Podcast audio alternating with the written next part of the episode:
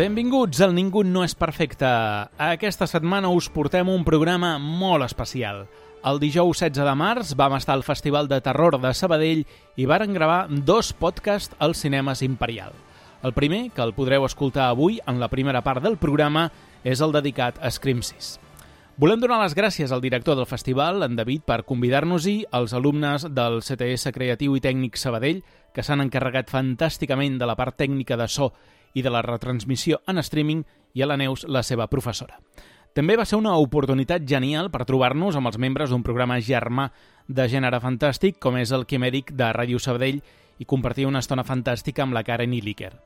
En la gravació vam ser-hi l'Aram i jo. A la Marta li va ser impossible venir i en Jacint Casademunt va ser baixa de darrera hora, però, no obstant això, ens ha enviat una píndola de la pel·lícula. Sobre Scream 6 escoltareu una ressenya sense spoilers en què en fem la crítica, comentem el càsting i què ens semblen els quatre protes. Comentarem els punts forts de la pel·lícula sense desvelar cap secret. Hem de dir que ens ha agradat i personalment crec que és una de les millors seqüeles de la saga juntament amb la segona.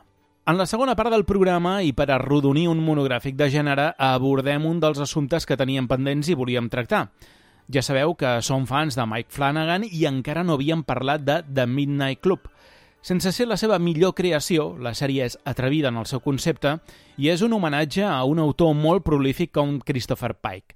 Farem la crítica de la sèrie, explicarem la producció, comentarem les històries de por i la trama central, buscarem les diferències amb el llibre i sabrem què hagués passat en la segona temporada. Avui us acompanyaran l'Aram Bonmatí en la part de Scream 6 i la nostra productora, la Marta Sanz i en Francesc Morales en la de The Midnight Club. En la presentació i direcció del Ningú no és perfecte, qui us parla? L'Ignasi Herbat.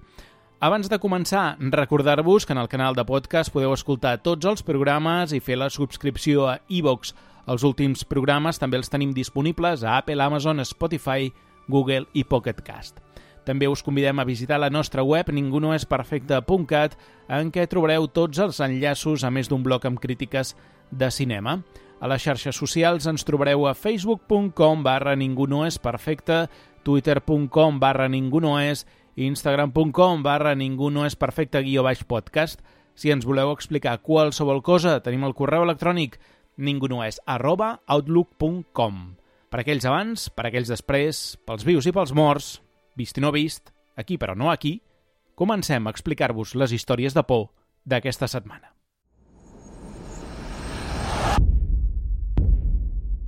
Had this secret. There's a darkness inside of me.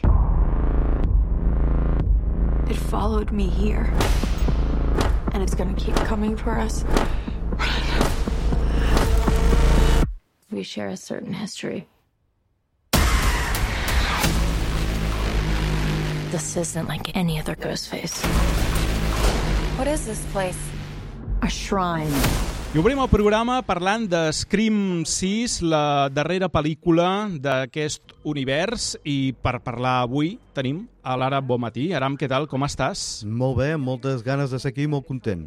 Avui ho fem des de Sabadell, ja ho hem explicat en el principi del programa, el Festival de Terror de Sabadell, per tant és un lloc fantàstic per parlar de Scream 6, aquesta pel·lícula.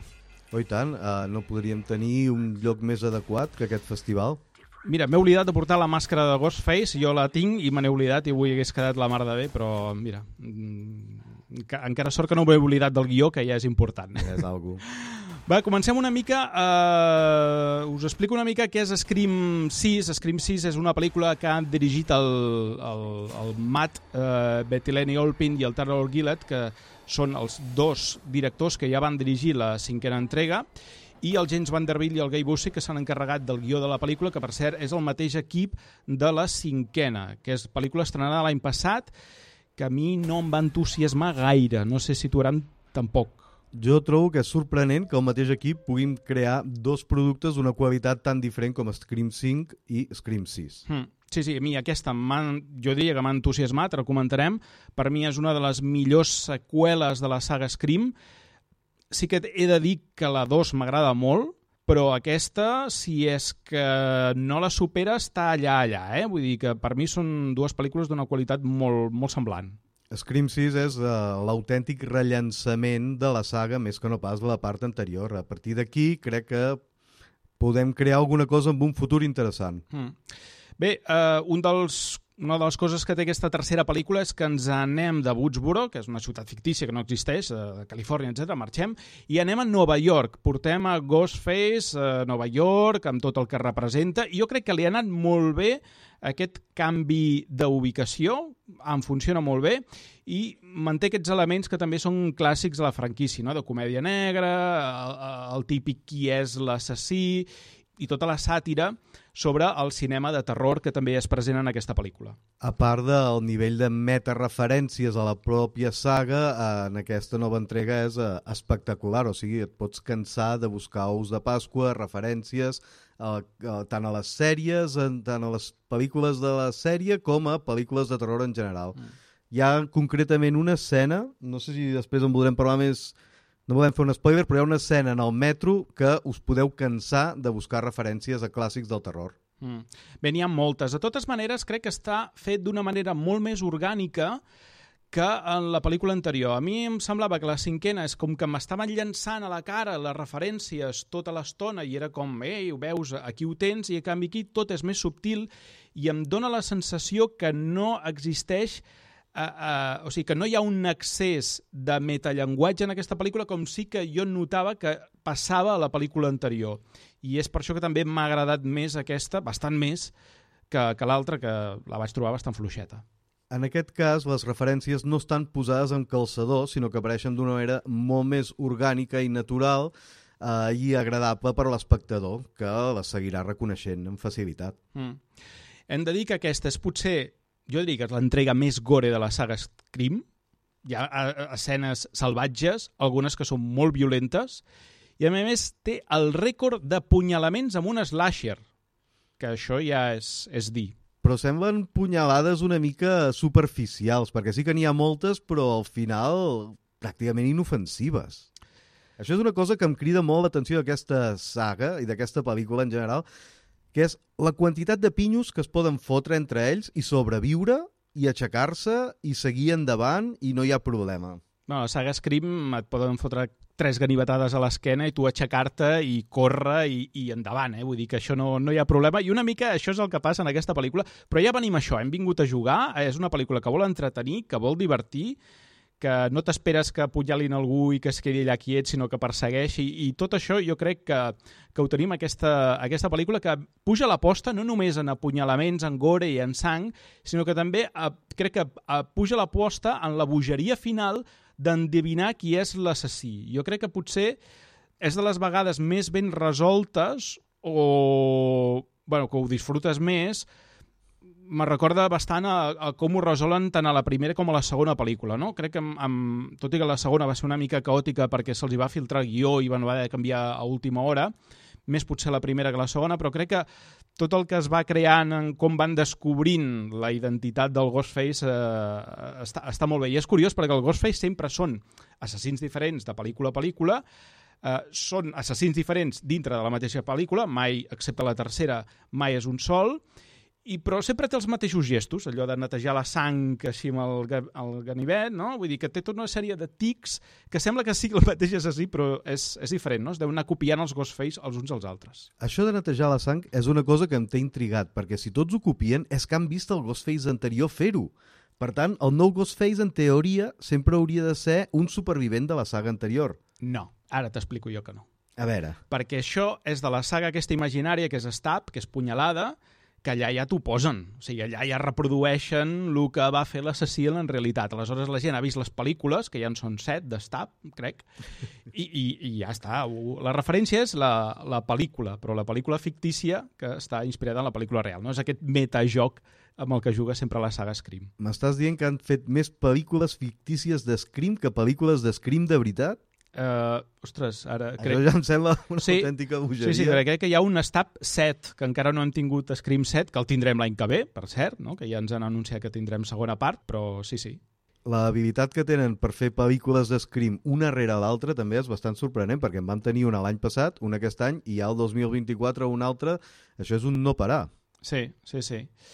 Jo crec que aquesta és una pel·li que pot deixar contents els fans, no? Perquè crec que conté dels millors elements identificatius de la saga i crec que combina millor el que vindria a ser personatges de llegat o la part més nostàlgica amb la part nova, que potser a mi és una de les coses que em fallava de l'anterior, que crec que els personatges, diguéssim, clàssics no em va acabar del tot de convèncer com els van tractar, ni la Courtney Cox, ni el David Arquette i la Neve Campbell. Mm, no em va acabar de convèncer. En canvi, aquí sí que és veritat que, no, que només hi ha la Courtney Cox dels tres i llavors apareix la Hayden Panettiere, que ve de la quarta pel·lícula, que després, si de cas, en parlem una mica d'ella, però m'agrada bastant com els tracten i el protagonisme que els hi donen a, a elles dues hi ha un cert respecte pels clàssics, però al mateix temps em sembla una pel·lícula molt apta per introduir-se a la sèrie de Scream. Encara que no hagis vist les anteriors, és recomanable almenys haver vist la primera, per saber una mica de què va, però et pots enganxar fàcilment a la pel·lícula sense problemes i entendre el que està passant i captar les referències. Mm -hmm. Abans que se'm passi, que tu preguntaves, hi ha escena postcrèdits? Hi ha escena postcrèdits. Dura dos segons, si és que hi arriba, però hi ha escena postcrèdits que, de nou, és molt meta cinematogràfica. No perden pistonada aquesta gent. Mm. No us canviarà la vida, són d'aquelles escenes postcrèdits que dius, bueno, ens estan prenent el pèl perquè ens quedem, una mica és això, però és el que dius tu, intenta ser meta i riure-us una mica de si mateix. Per tant, vull dir que perquè hi ha molta gent que marxa i en aquesta, doncs, bueno, si la voleu veure sencera us haurà de quedar fins als, als crèdits finals. Els autèntics fans es queden per dos segons. Uh, sí, sí, sí. Però en aquest cas vindria a ser això. No són dos, però crec que, que són cinc. Parlem una mica de la producció, sembla bé? Doncs va, anem a parlar una mica d'alguns elements de com hem arribat aquí. Aquí és, és rapidet el tema de la producció, farem ràpid. Um, això se li va donar llum verda el 3 de febrer del 2022, que pràcticament coincidia amb el que era la, l'estrena de, de la pel·lícula del 2022. Del, era un Scream, que és Scream 5, però no portava el, el 5, posava el 2022 entre parèntesi, que també ja li podíem, aquí ja li han posat les, les Scream 6, i van decidir doncs, repetir el que era el que dèiem abans, el mateix equip de, de direcció i de, i de guionistes. Jen Ortega, que és una de les protagonistes que aleshores en el seu moment la gent no coneixia gaire, perquè crec que ens va arribar a X al cap d'uns mesos més tard, i llavors va arribar Wednesday, uh mhm. -huh. la, la sèrie de Netflix, i ja el nom de Jenna Ortega doncs, ja, ja el coneix tothom, però quan va sortir Scream pràcticament era una desconeguda, era la primera cosa important que, que feia. Havia fet algun capítol suelto d'alguna sèrie, però amb prou feina se la coneixia. El rodatge, doncs, això ha comptat un pressupost de 35 milions eh, de dòlars, es va rodar el 9 de juny del 2022 a Montreal, que és on van rodar, i es va acabar a final d'agost, vull dir que han anat també mm, bastant ràpid en el tema de muntatge i tot això de la pel·lícula. Sí, és com mm, em fan molta, molta via de, de preparar aquestes pel·lícules. A mi em dóna la impressió que el fet de tenir eh, localitzacions en general tancades i limitades ajuda bastant a que la producció sigui ràpida i fluida. Sí, sí, sí. No, I les de Scream ja vull dir que han, han anat sempre com, com xurros quan mm -hmm. posat a fer, no? La, primera, la segona va venir després de la primera, amb la tercera va passar una mica més de temps, havia de tancar-se la trilogia, i a la quarta va arribar 10 anys després, això sí. És que aquesta, la cinquena que van fer era escrima seques perquè era una mena de recuela, que em penso que és una mm. paraula mm. que fan servir a la mateixa pel·lícula de Scream 6. És una prequela i al mateix temps vol ser un, una seqüela i al mateix temps vol ser un remake i eh, per això en van dir Scream a seques. Sí, sí, sí, però bé, ara s'han tret ja diguéssim, la, el complex de, del damunt i, i és Scream 6 perquè de fet és, és, el, és els mateixos alguns mateixos personatges, la mateixa història. És una cosa molt de còmic, no? Això de dir, reiniciem la numeració hem vist que la cosa de reiniciar no ha acabat de funcionar, per tant recuperem la numeració antiga, que és la que a tothom li agradava. Mm. Bueno, això el cinema ja ho fa a vegades, no? Per intentar buscar nous espectadors, pensen, si li posem un número, doncs la gent es tirarà enrere, no? I a vegades doncs, hi ha sagues que a partir de cert número de pel·lícules ja t'amaguen el número i li deixen només amb un títol, un subtítol, alguna cosa d'aquestes. Però jo crec que el número, en aquest cas, en aquesta saga, li va molt bé, no? Sí, sí. Tot, tots les d'Elm Street, que sempre tenien número, o les del Jason de divendres 13, sempre hi havia un número, vull dir, sempre és interessant. Anem a parlar una mica del repartiment Venga. que tenim aquí. A veure, tenim les germanes Carpenter, Això de Carpenter, És perfecte. sí, suposo que és, no sé, sí, deu ser un homenatge. Home, perquè no Tinguem- li podien posar Hitchcock perquè hauria cantat molt. Per tant, dius Carpenter, Carpenter està molt bé. Però les germanes Craven també hagués molat. Ah, Per fer estat molt bé. L'homenatge era... Una mica massa in your face, potser. Però serà que, en fi, és igual. Les germanes Carpenter, que són Melissa Barrera, actriu que hem vist, per exemple, amb fent musical, aquell In, In the Highs, i la Jenna Ortega, bueno, que ja hem repassat eh, una mica la seva filmografia més recent, que s'està convertint en una screen queen, De campionat. sí, sí, de campionat, no? Vull dir, És un tap de bassa. pobreta. Fa metre 55.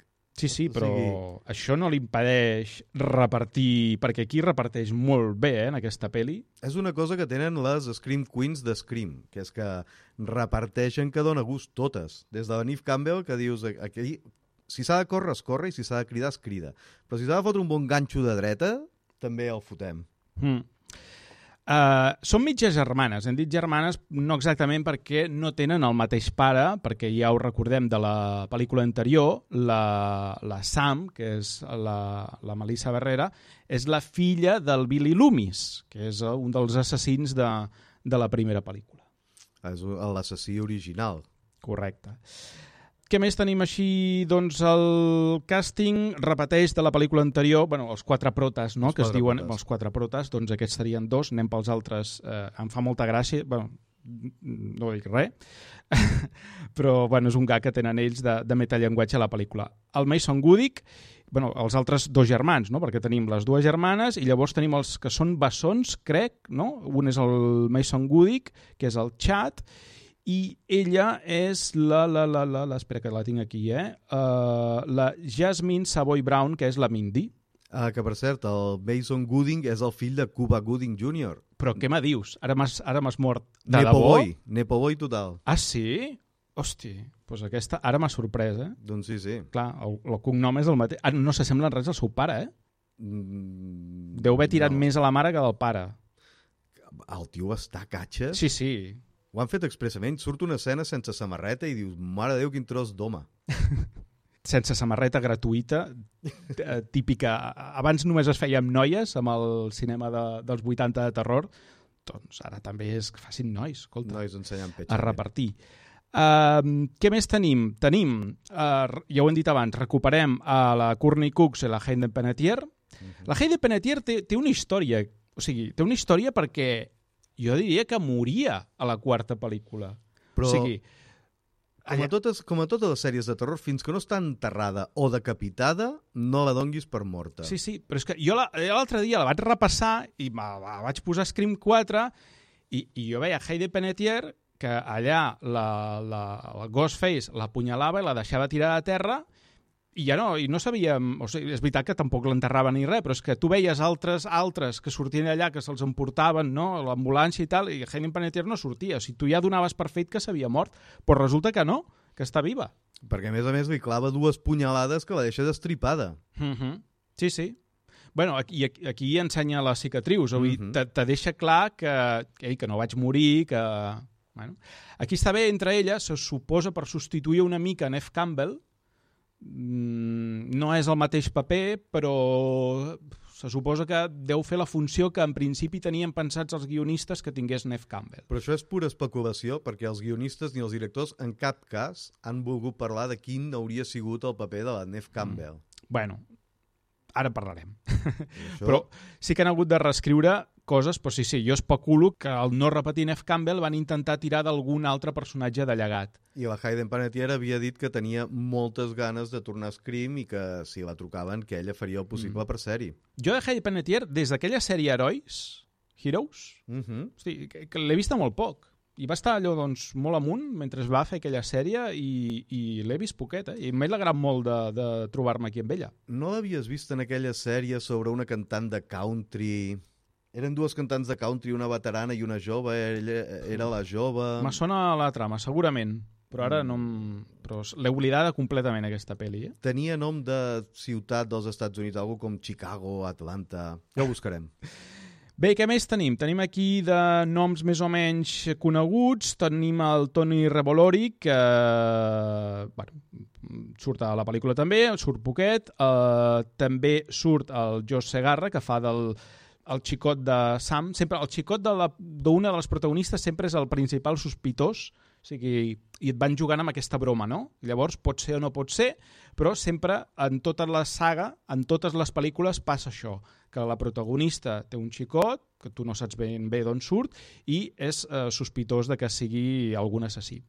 Llavors tenim també el Jack Champion, que fa d'Ethan. El Jack Champion fa el, el paper de que sempre hi ha algú que fa Scream, no? que també aquí el fa la, la Mindy, la germana Bessona que és el, de, el que sap una mica les normes de les regles de les pel·lícules de terror. Que així, aquí ho porta la Mindy. Però una mica, el Champion aquí, l'Ethan aquest, també fa aquest paper de tio que sap una mica les regles, que ningú coneix, que acaben d'arribar els protagonistes a la uni i diuen, tu podries ser l'assassí perquè com, com has entrat a la nostra colla, no? Ningú sap com has entrat a parar a la nostra colla.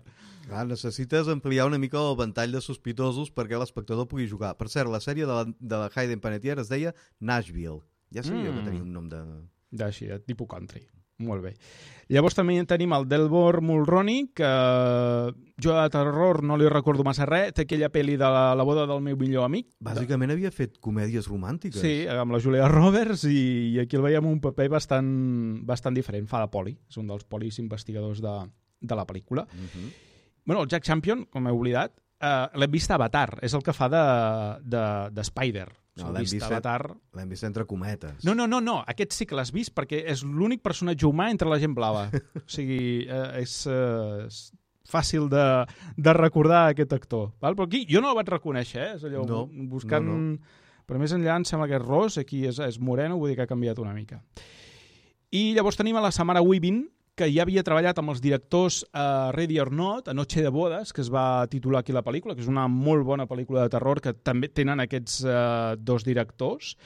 I la Samara Weaving fa el paper... Perdoneu-me el mig spoiler, eh? però bueno, és la noia del principi de la pel·lícula. Ja us podeu imaginar... Deixem-ho aquí. Al principi de les pel·lícules de Scream, què passa? La, la primera noia o noi, perquè la tercera era un home, que surt a les pel·lis de Scream, tu ja saps que allà hi haurà alguna cosa. Pinten bastos. Sí, però aquí hi ha un gir, hi ha un gir que no t'esperes. Mm? Vull dir que dintre del que és típic de tu pots esperar, que aquí a la trucada, quina és la teva pel·lícula de terror preferida, etc i t'està esperant l'assassí en un carreró de Nova York per uh, punyalar-te, però hi ha un gir interessant que no t'esperes en aquest moment. És una de les avantatges dels, del gènere de terror i d'aquesta saga en particular, que és que està tan codificada que és fàcil saber quines regles eh, pots trencar per sorprendre l'espectador. Mm. Hi han les regles de les pel·lis de terror i Scream també té les seves pròpies regles. Mm -hmm. I, eh, per tant, són codis amb els que pots jugar fàcilment. Mm.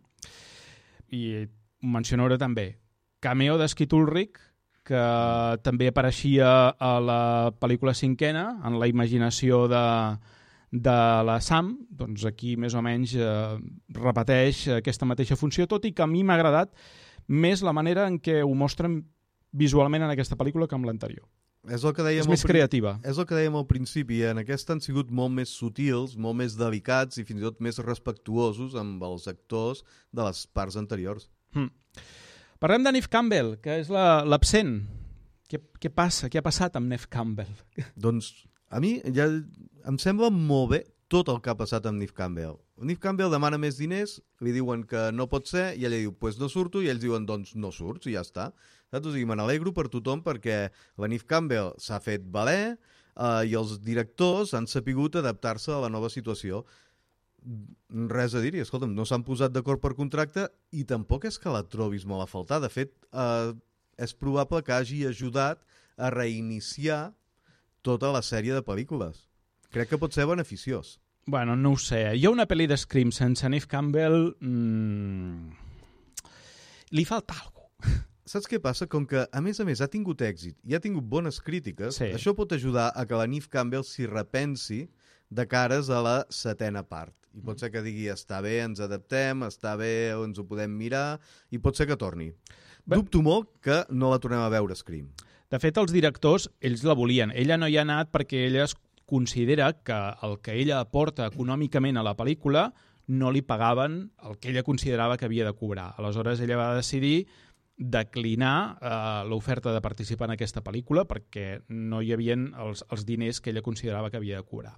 Aleshores, ella ha tingut el suport d'alguns membres del cast, la pròpia Melissa Barrera, protagonista, i també d'altres actors vinculats amb la franquícia com David Arquette, Emma Roberts, Sarah Michelle Gellar, Matthew Lillard i el Jamie Kennedy que han donat suport a, a aquesta decisió. Clar, és allò, si, si creus que no et paguen prou, no ho facis.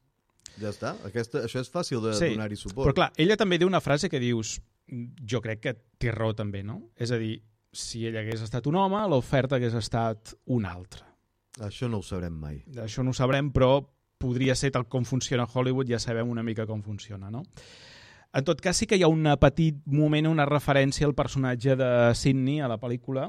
I, que... de, I de nou molt meta, com volem dir, a l'igual no torna mai més. sí, sí. Però jo segueixo apostant per al seu retorn. Sí, si, sí. Si aquesta sisena part hagués sigut un desastre, tant a nivell de crítica com de públic, potser no. Mm. Però com que ha tingut bons resultats, jo em quedo amb el que, a veure, que si ha sortit Neve Campbell, ella sempre mereix un final feliç en aquesta franquícia. Ah. Per tant, que no se la carreguin si és que torna, val? Uh, no, no volem això. De totes maneres, els directors són molt fans de Neve Campbell i volen, deixen la porta oberta que ella vulgui tornar quan ella vulgui. Per tant, no es descarta, ella, a la sisena no hi és, però sí que hi ha la porta oberta perquè la setena hi pugui ser. Sempre i quan s'ajusti el pressupost, clar. Sí. Clar, aquí tens en el, el cas que jo crec que eh, tant amb ella com a Courtney Cooks els hi va faltar una molt bona escena que homenatgés una mica el seu pas per Scream. En aquella pel·lícula per mi no hi era. I en canvi en aquesta sisena hi ha una, hi ha una escena, l'escena que no l'explicarem, eh? però ja si heu vist el tràiler veieu que hi ha un moment que el Ghostface ataca la Courtney Cooks. Doncs aquesta escena, a banda que està collonudament ben feta... De les millors de la pel·lícula. És, és una coreografia brutal tot el que passa allà. O sigui, eh, reforça molt el personatge de Courtney Cooks, està molt ben treballat, tot el que fa ella, tot, eh, o sigui, és, és, és collonuda. És que és una escena meravellosa de la pel·lícula. A mi necessària, molt. necessària. Ens ha agradat molt que hi fos i la veritat és que ja tocava. Sí, sí, sí. Amb això li fa un superbon homenatge. Um, parlem de la música, per exemple, de la pel·lícula. No és molt rellevant, la música? No, és... Uh, destaca bàsicament la cançó de, de Demi Lovato, que va directament als títols de crèdit, si no recordo malament. Still Alive. Still Alive, exacte. Mm. Que està I... bé, el videoclip també. Per cert, el videoclip és un spoiler, també. Perquè si veus el videoclip de la Demi Lovato, mm, apareixen unes escenes que a la pel·lícula en principi són una mica sorpresa. Mm. Bueno, res que no hagi vist el tràiler, diria jo. Tot el tema del teatre, vols dir? Exacte. El, el museu. Mm -hmm. Sí. Bueno, per això ja es veu el tràiler. Heu vist oh. el tràiler tots? Perquè així ja... No heu vist el tràiler? Bueno, hi ha un museu. Bueno, un museu. hi ha un cinema com aquest. Ja està, no expliquem res més. Una, uh, mica més, una mica més tètric que aquest. Sí, sí, sí. Bueno, igual de fosc, eh? Mm. o més, està més il·luminat, potser, aquell, eh? Perquè no diguem res Ja ho veurem. Què més hi tenim? Tenim una, un tema de Mike Shinoda, de Linkin Park, mm. que és uh, un dels temes de, també de la pel·lícula, una cançó que ha fet en solitari, i la, que és In My Head, i Brian Tyler, que ha fet la banda sonora, diguéssim, instrumental, l'escor de la pel·lícula. Aquest home té 50 anys i porta més de 20 de vida fent bandes sonores de Hollywood i per videojocs també. El recordo de Transformers i històries d'aquestes, d'un joc que es diu Lost Ark també. Vull dir que porta molt de temps treballant. Encara no li han arribat els premis, però jo estic, estic segur que... ha estat ja nominat a algun Emmy, no sé si l'ha arribat a guanyar, però estic segur que li, li queden 5 anys perquè li caigui un Oscar. Mm. De fet, la banda sonora és molt no destaca massa. Potser quan més destaca és quan utilitza els temes clàssics. Crec, crec que era mm. Marco Beltrami, si no m'equivoco, que feia els temes de les pel·lícules de Wes Craven, però ell no aporta res, diguéssim, que no sigui... Vaja, que t'oblides. Volem crits. Volem crits i xisclets. Bàsicament. En quant a la taquilla, la pel·li ha funcionat molt bé Um, no és, són números definitius perquè quan estem gravant això fa set dies que s'ha estrenat la peli, per tant només són xifres d'un primer cap de setmana i ja s'ha situat com a número 1 per davant de Creed, que feia res una setmana que s'havia estrenat. Ha recaptat fins a dia d'avui 52,5 milions als Estats Units i 22,6 a nivell internacional, a qual cosa fan una recaptació de 75 milions de dòlars en una setmana, que està molt bé. És, està molt bé, és per flipar. Com una sisena part d'una sèrie de pel·lícules de terror que en general havíem donat per enterrada, mm. de cop et espanta amb una setmana 75 milions de dòlars, és una cosa eh, sorprenent i que, que ens alegra, la veritat. Mm. I ha costat 35 milions Scream, eh? que dintre del gènere de terror que avui en dia s'acostumen a fer produccions independents i molt barates que mm, solen recaptar molts diners, és un gènere que dona molt perquè és això, vull dir, te, te gastes potser 5 milions de dòlars i, i, i pots recaptar-ne més de 100. Aquesta és cara, entre cometes, perquè 35 avui en dia doncs, són pocs diners, a més una pel·li de gènere que també doncs, hi ha unes certes restriccions per a la taquilla americana i tal, i ha funcionat superbé, per això no han trigat, o sigui, la mateixa setmana que s'ha estrenat, ja el crec que era diumenge, s'estrenava divendres, i diumenge ja anunciaven la setena pel·lícula. La setena, vinga. Bueno, jo crec que ja ho tenien a punt, eh? Com no hagués estat allò un descalabro en taquilla que Clar, ja ho tenien tot mig previst perquè suposo que els testos de pantalla previs havien anat molt bé, tenien bones vibracions, tenien la idea ja de continuar, doncs endavant. Mm. A part de que hi ha molta química entre tot el grup d'actors nous, estan tots uh, molt bé i se'ls veu amb ganes de continuar. La Hayden Panettiere és la primera en dir-ho. Mm. Sí, sí. Clar, si pots barrejar actors nous amb veterans de la saga, tens aquí sang fresca, mai millor dit, sí. poder derramar a litres. Mm -hmm. Tu creus que s'aprofita? Jo crec que sí, eh? però bueno, tu demano l'opinió. El fet de que Gen Ortega avui en dia o al llarg d'aquest any... Tot i que quan es va rodar la pel·lícula encara no s'havia estrenat Wednesday, mm -hmm.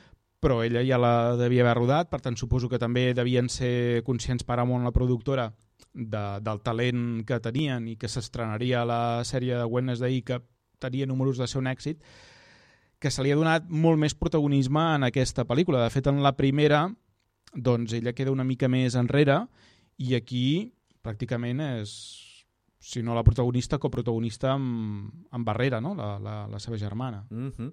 uh, és una mica passar el testimoni, la germana que abans era la que portava l'acció, ara passa a ser la no la passiva, sinó la, que, la protectora, la que intenta que ningú es faci mal i que acabin tots vius. A mi, de fet, em preocupa una mica que la gent a Ortega hagi tingut tant d'èxit perquè això encarirà el pressupost de Scream 7, segur. A no ser que la liquidin. si no l'han liquidat ja a la sisena part, perquè no ho podem dir, si ah, es mor no, no. o no es mor, perdó. bueno, què penseu? Què faríeu vosaltres si fóssiu productors de Hollywood? És que... Fotre calés a sobre la taula sí. i endavant. No, sí, sí que és veritat que aquestes pel·lícules, clar, eh, es poden encarir amb el temps quan vas repetint sempre el mateix cas, però també a la vegada té aquesta cosa de que els actors són prescindibles perquè els pot matar i poden ser substituïts per altres. No? Sí que és veritat que la franquícia original doncs, tenies els, eh, no podies prescindir ni de Neve Campbell, ni de David Arquette, ni de Courtney Cooks. I eren els tres doncs, que sempre anaven repetint. Però clar, això una mica ho has... A veure, de Neve Campbell doncs, ho tenies clar. Però sí que és veritat que Arquette o Courtney Cooks podies pensar que, a veure, sí que hi en alguna de les pel·lícules, no? I, i sempre van estar allà. Clar, aquests, doncs... En tot cas, ara ha quedat demostrat amb la no presència de Nif Campbell que ningú és imprescindible, per tant, que si demanen massa, doncs no hi seran. Mm. I aquí tenim aquesta broma dels quatre protes, doncs que tu ja pots imaginar que el nucli dur que pot eh, que és el futur una mica d'aquesta franquícia, que en, en tres anys hi haurà tingut tres pel·lícules, dius, bueno, també aquesta sensació de veure si ho cremen ràpid o és que no volen fer-ne 3, en volen fer 5, en volen superar fins i tot el número 4 de, de, de la trilogia de... Bueno, trilogia no, de les 4 que feu Wes Craven. És una mica arriscat anar a Scream per any, eh? Mm. Veurem. I de les uh, diferents escenes, um, per anar acabant aquest bloc, uh, sense explicar res de spoilers així, explicant i sense explicar, alguna cosa que vulguis destacar? Uh, M'agradaria destacar la quantitat de sang que surt de la pel·lícula. M'agradaria destacar les escenes de les, les baralles. Trobo que són espectaculars. Tenen coreògrafs que, que em, don, em sembla que donen molt la talla. I, uh, en general, la, la mescla de terror i de thriller també, d'intriga, que trobo que està molt ben portada. A mi la bogeria del final, la bogeria que, que sempre és així, sobretot a la primera... Me recorda la bogeria aquella de qui és l'assassí que ja veiem a la primera i a la segona. M'ha encantat, vull dir, fins, i te sorprèn, perquè al final juguen una mica amb l'absurd, tampoc li has de buscar exactament la lògica.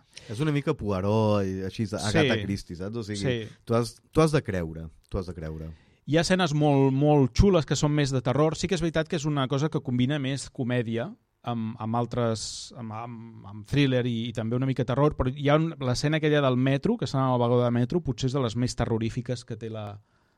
La meva preferida de, de tota la pel·lícula és aquesta i el final, que és uh, adrenalínic al màxim. La pel·lícula dura dues hores llargues i la veritat és que no es fa gens pesada. I no... Com que estan passant coses contínuament, I a més crec que lliga molt bé tota la mitologia també de, de la saga, tots aquells elements que són reconeixibles a la saga Scream, el joc que hi ha amb les màscares, per exemple, tot allò que veiem en el cinema, no? tots els elements que hi ha allà que podem reconèixer d'altres pel·lícules, i, i aquests diàlegs que tenen sobre gènere de terror, sobre pel·lícules com jo que sé, el típic, no? El típic debat que podem tenir fans del cinema de terror, Candyman, l'original o el remake? I aquí m'agrada que diu els dos.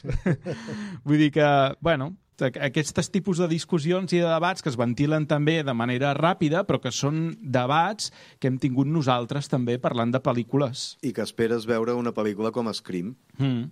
I que també reivindiquen coses, no? Psicosi, segona part. Doncs és una bona pel·li.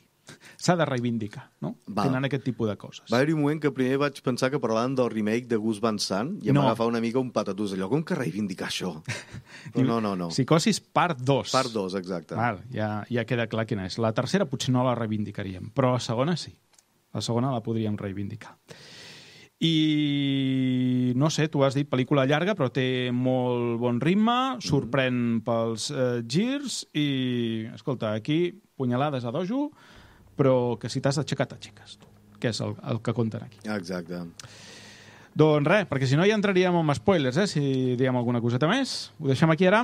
Direm que ens ha agradat i que la recomanem. Doncs vinga, tots a veure Scream 6 si encara no l'heu vista. Va, ara, ens veiem a la propera. Una abraçada. Fins ara. Adéu.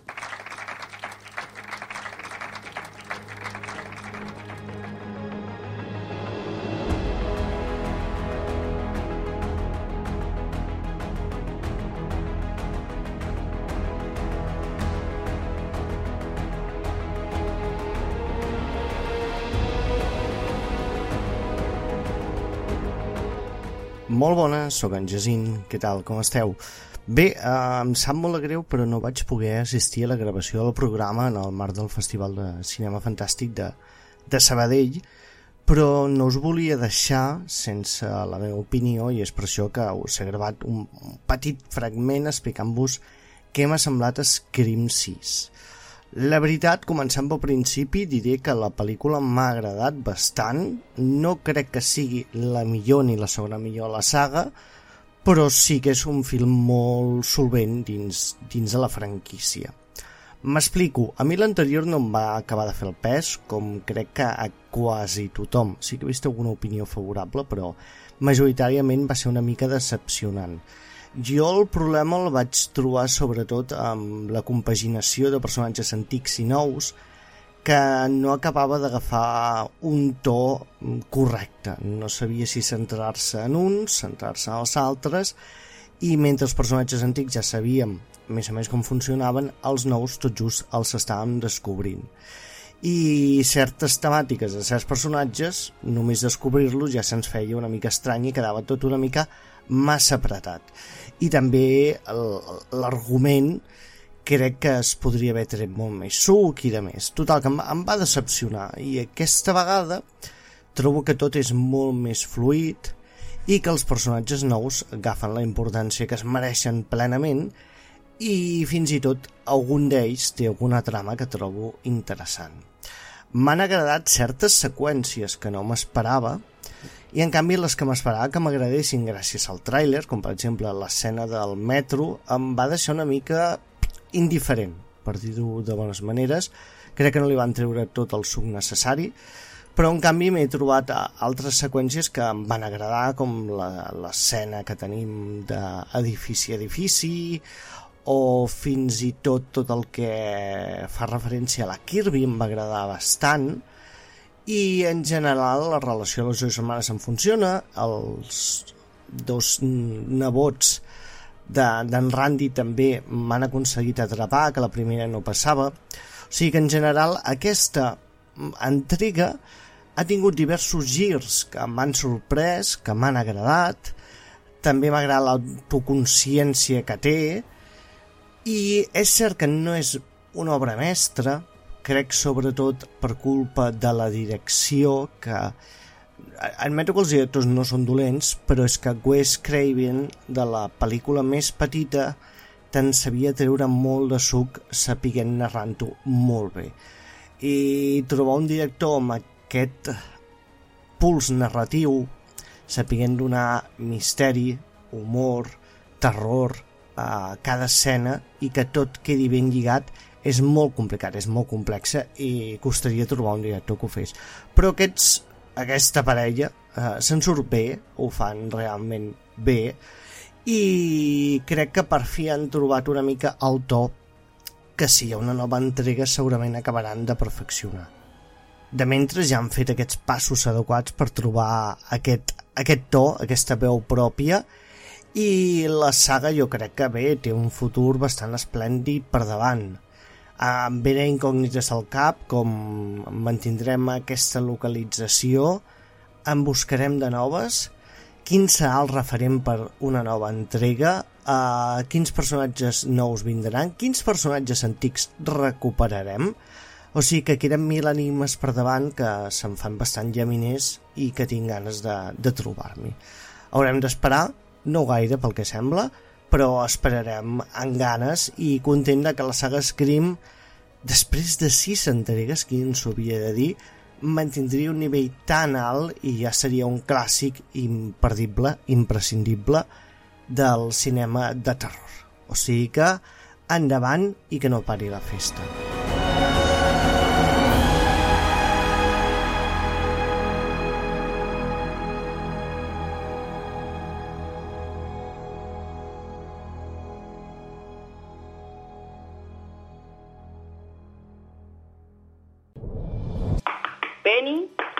Penny, Penny. Pues no responde. Me siento como una función tangente inversa que se aproxima a una asíntota. Oye, Sheldon, da igual, estás contratado. Mm, estoy tan contento. En el mundo de los emoticonos sería una D mayúscula. Tengo que dejaros, es la hora en punto y Leonard me lleva a la tienda de cómics. Saludos, personas ordinarias del Ninguno es Perfecta.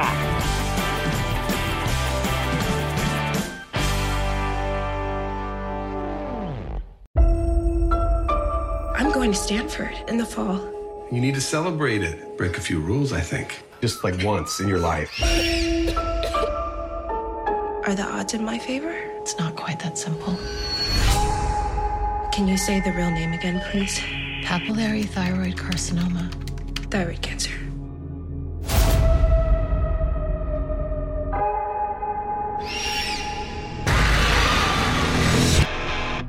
I'm Dr. Georgina Stanton. Welcome to Brightcliff. I comencem aquest especial de Midnight Club, la sèrie de televisió que hem vist a Netflix, una sèrie de misteri amb elements de terror creada per eh, Mike Flanagan, que sempre seguim aquí al Ningú no és perfecte, i Lia Fong, amb la qual van coincidir a La maldició de Bly Manor, que ella era productora i també era guionista d'alguns dels capítols.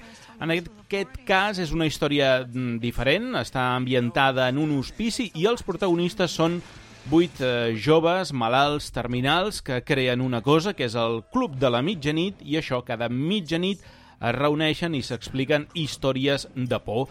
Tot això amb una història de rerefons que està present al llarg de tota la temporada, és a dir, tenim aquesta història real i les històries de ficció que s'expliquen i que també es veuen en pantalla. Es va estrenar el 7 d'octubre a Netflix. A Sitges van poder veure els dos primers capítols allà a la pantalla gran de l'auditori. Mm, ha passat un temps, però és que han vingut altres coses i la teníem allà pendent, però no podia faltar eh, la presència de Mike Flanagan, que com a curiositat hem de dir que aquesta sèrie no estava plantejada com una minissèrie, com havia passat amb les de anteriors, Midnight Mass, eh, Blind Manor, etc, sinó que estava pensada per durar diverses temporades, però s'ha quedat finalment amb una, la sèrie s'ha cancel·lat, després també explicarem una mica els motius i què ha passat amb tota aquesta cancel·lació el desembre de 2022, per tant ens quedarem aquí amb la sèrie. Per parlar-ne, doncs tenim per una banda en Francesc Morales, què tal Francesc?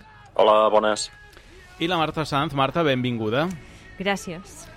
Tenim moltes coses a parlar d'aquesta sèrie, però bé, mm, podem començar una mica així amb, amb impressions eh, generals, a veure què us ha semblat. Jo, si de cas, començo disparant i ara vosaltres m'adieu. Um, a mi potser el que més m'ha interessat de, de la sèrie, el que més m'ha agradat o més m'ha enganxat són les històries estil Twilight Zone, Tales from the Crypt, no? que bàsicament d'aquí també recull moltes de les històries de, de l'autor, Christopher Pike, que és l'autor de la novel·la i de moltes de les novel·les del seu univers que casen en, en aquesta sèrie.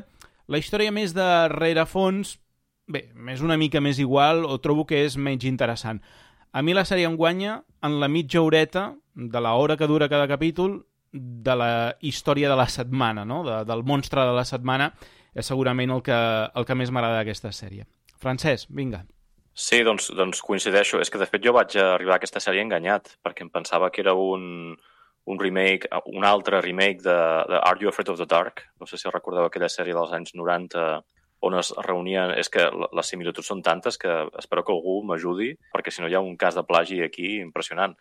Uh, es reunien uns nens... Uh, és de l'època de Goosebumps, uh, també d'aquella sèrie dels 90.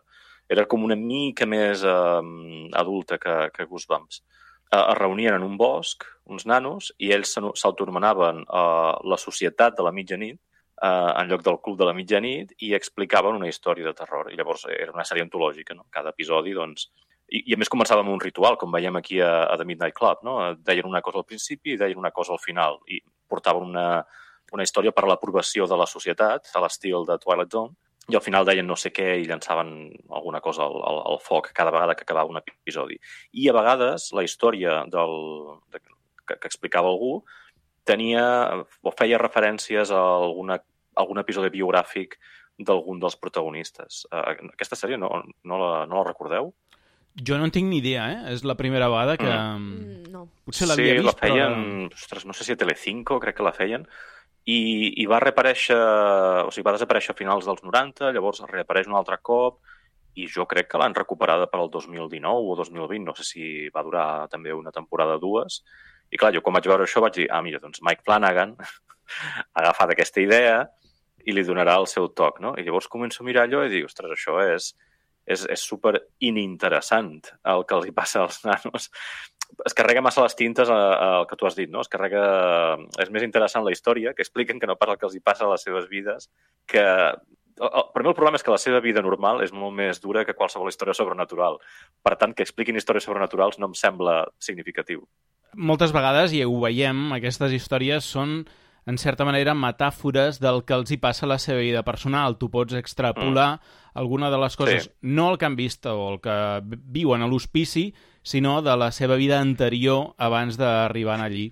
Amb la qual cosa es converteixen en comèdies o gairebé paròdies d'alguns de, dels esdevenim esdeveniments que els hi passa als, als nanos. Sobretot hi ha un parell d'històries que... Més que paròdia, que humor, humor negre a vegades, eh? Humor negre sí que n'hi ha. Sí, jo, jo estic pensant en aquell en el que fan una referència al cinema noir dels anys 40. Sí, sí, sí.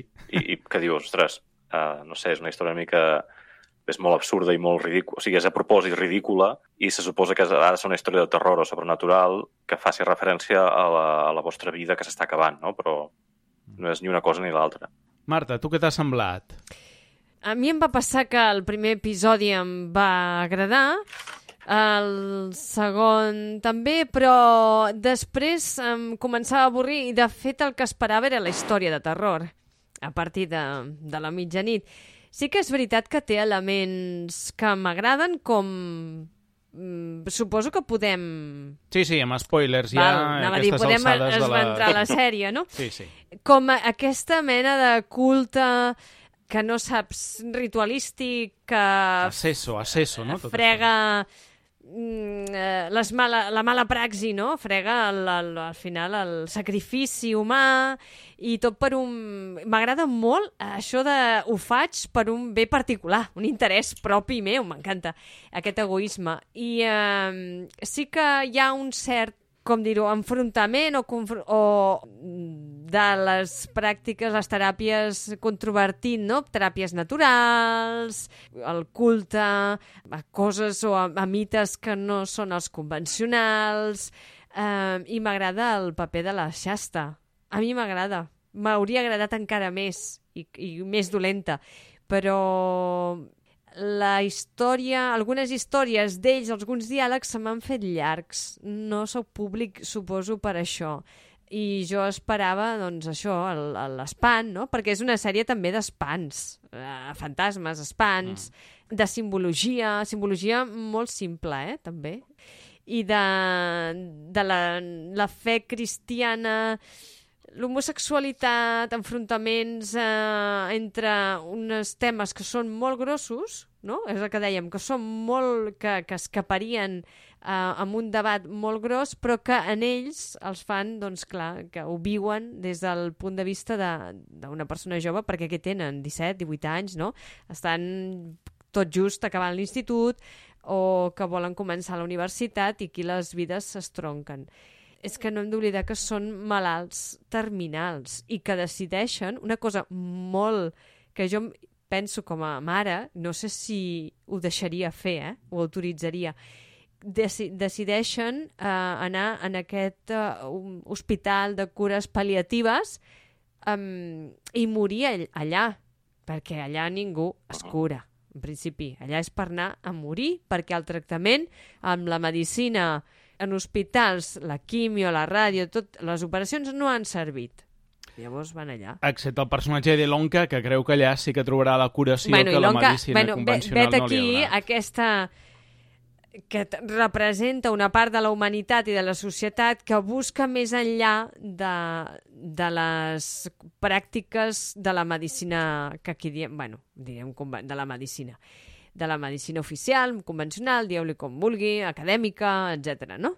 O dels oncòlegs, de cirurgians, etc. Llavors hi ha aquesta part que és real, que busquen en les herbes, en la natura, anem a l'essència, tornem als boscos i destilem tot allò que la natura és sàvia i que ens dona perquè la humanitat es curi. Segur que aquí en Francesc té moltes coses a dir. Uh, va fent que sí amb el cap, no el veieu, però va fent que sí Va, amb doncs el digues, cap. digues, Francesc. Sí. Sí. no? Aquí es passa per sobre, perquè es passa per sobre, però hi ha una comuna, sí o no? Hi ha una col·lectivitat que viu en el bosc. sobre.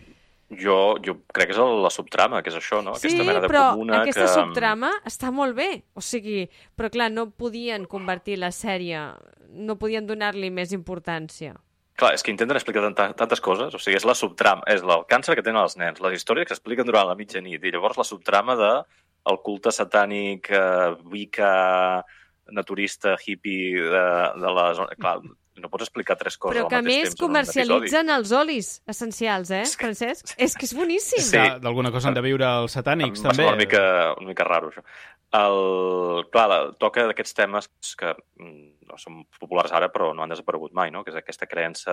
Quan he dit Wicca és eh, W baixa ICCA, que és una de les um, formes en la que es coneix aquest tipus de, de paganisme o precristianisme, sobretot en territori anglosaxó, forma part d'un moviment més ampli en el qual eh, rebutges la modernitat i el cristianisme entra dintre d'aquesta modernitat i intentes anar allò originari perquè allò originari és bo, no? Aquí entra la paleodieta, si voleu, entra aquí, no? Perquè tot està relacionat amb, amb això. Aquí eh, s'hi afegeix el tema de, de l'espiritisme, suposo, que era un, un corrent cientifista religiós molt vàlid al segle XIX, Sí. que després es va convertir en una cosa una mica estranya. I aquí a Catalunya Ah. també hi n'hi havia.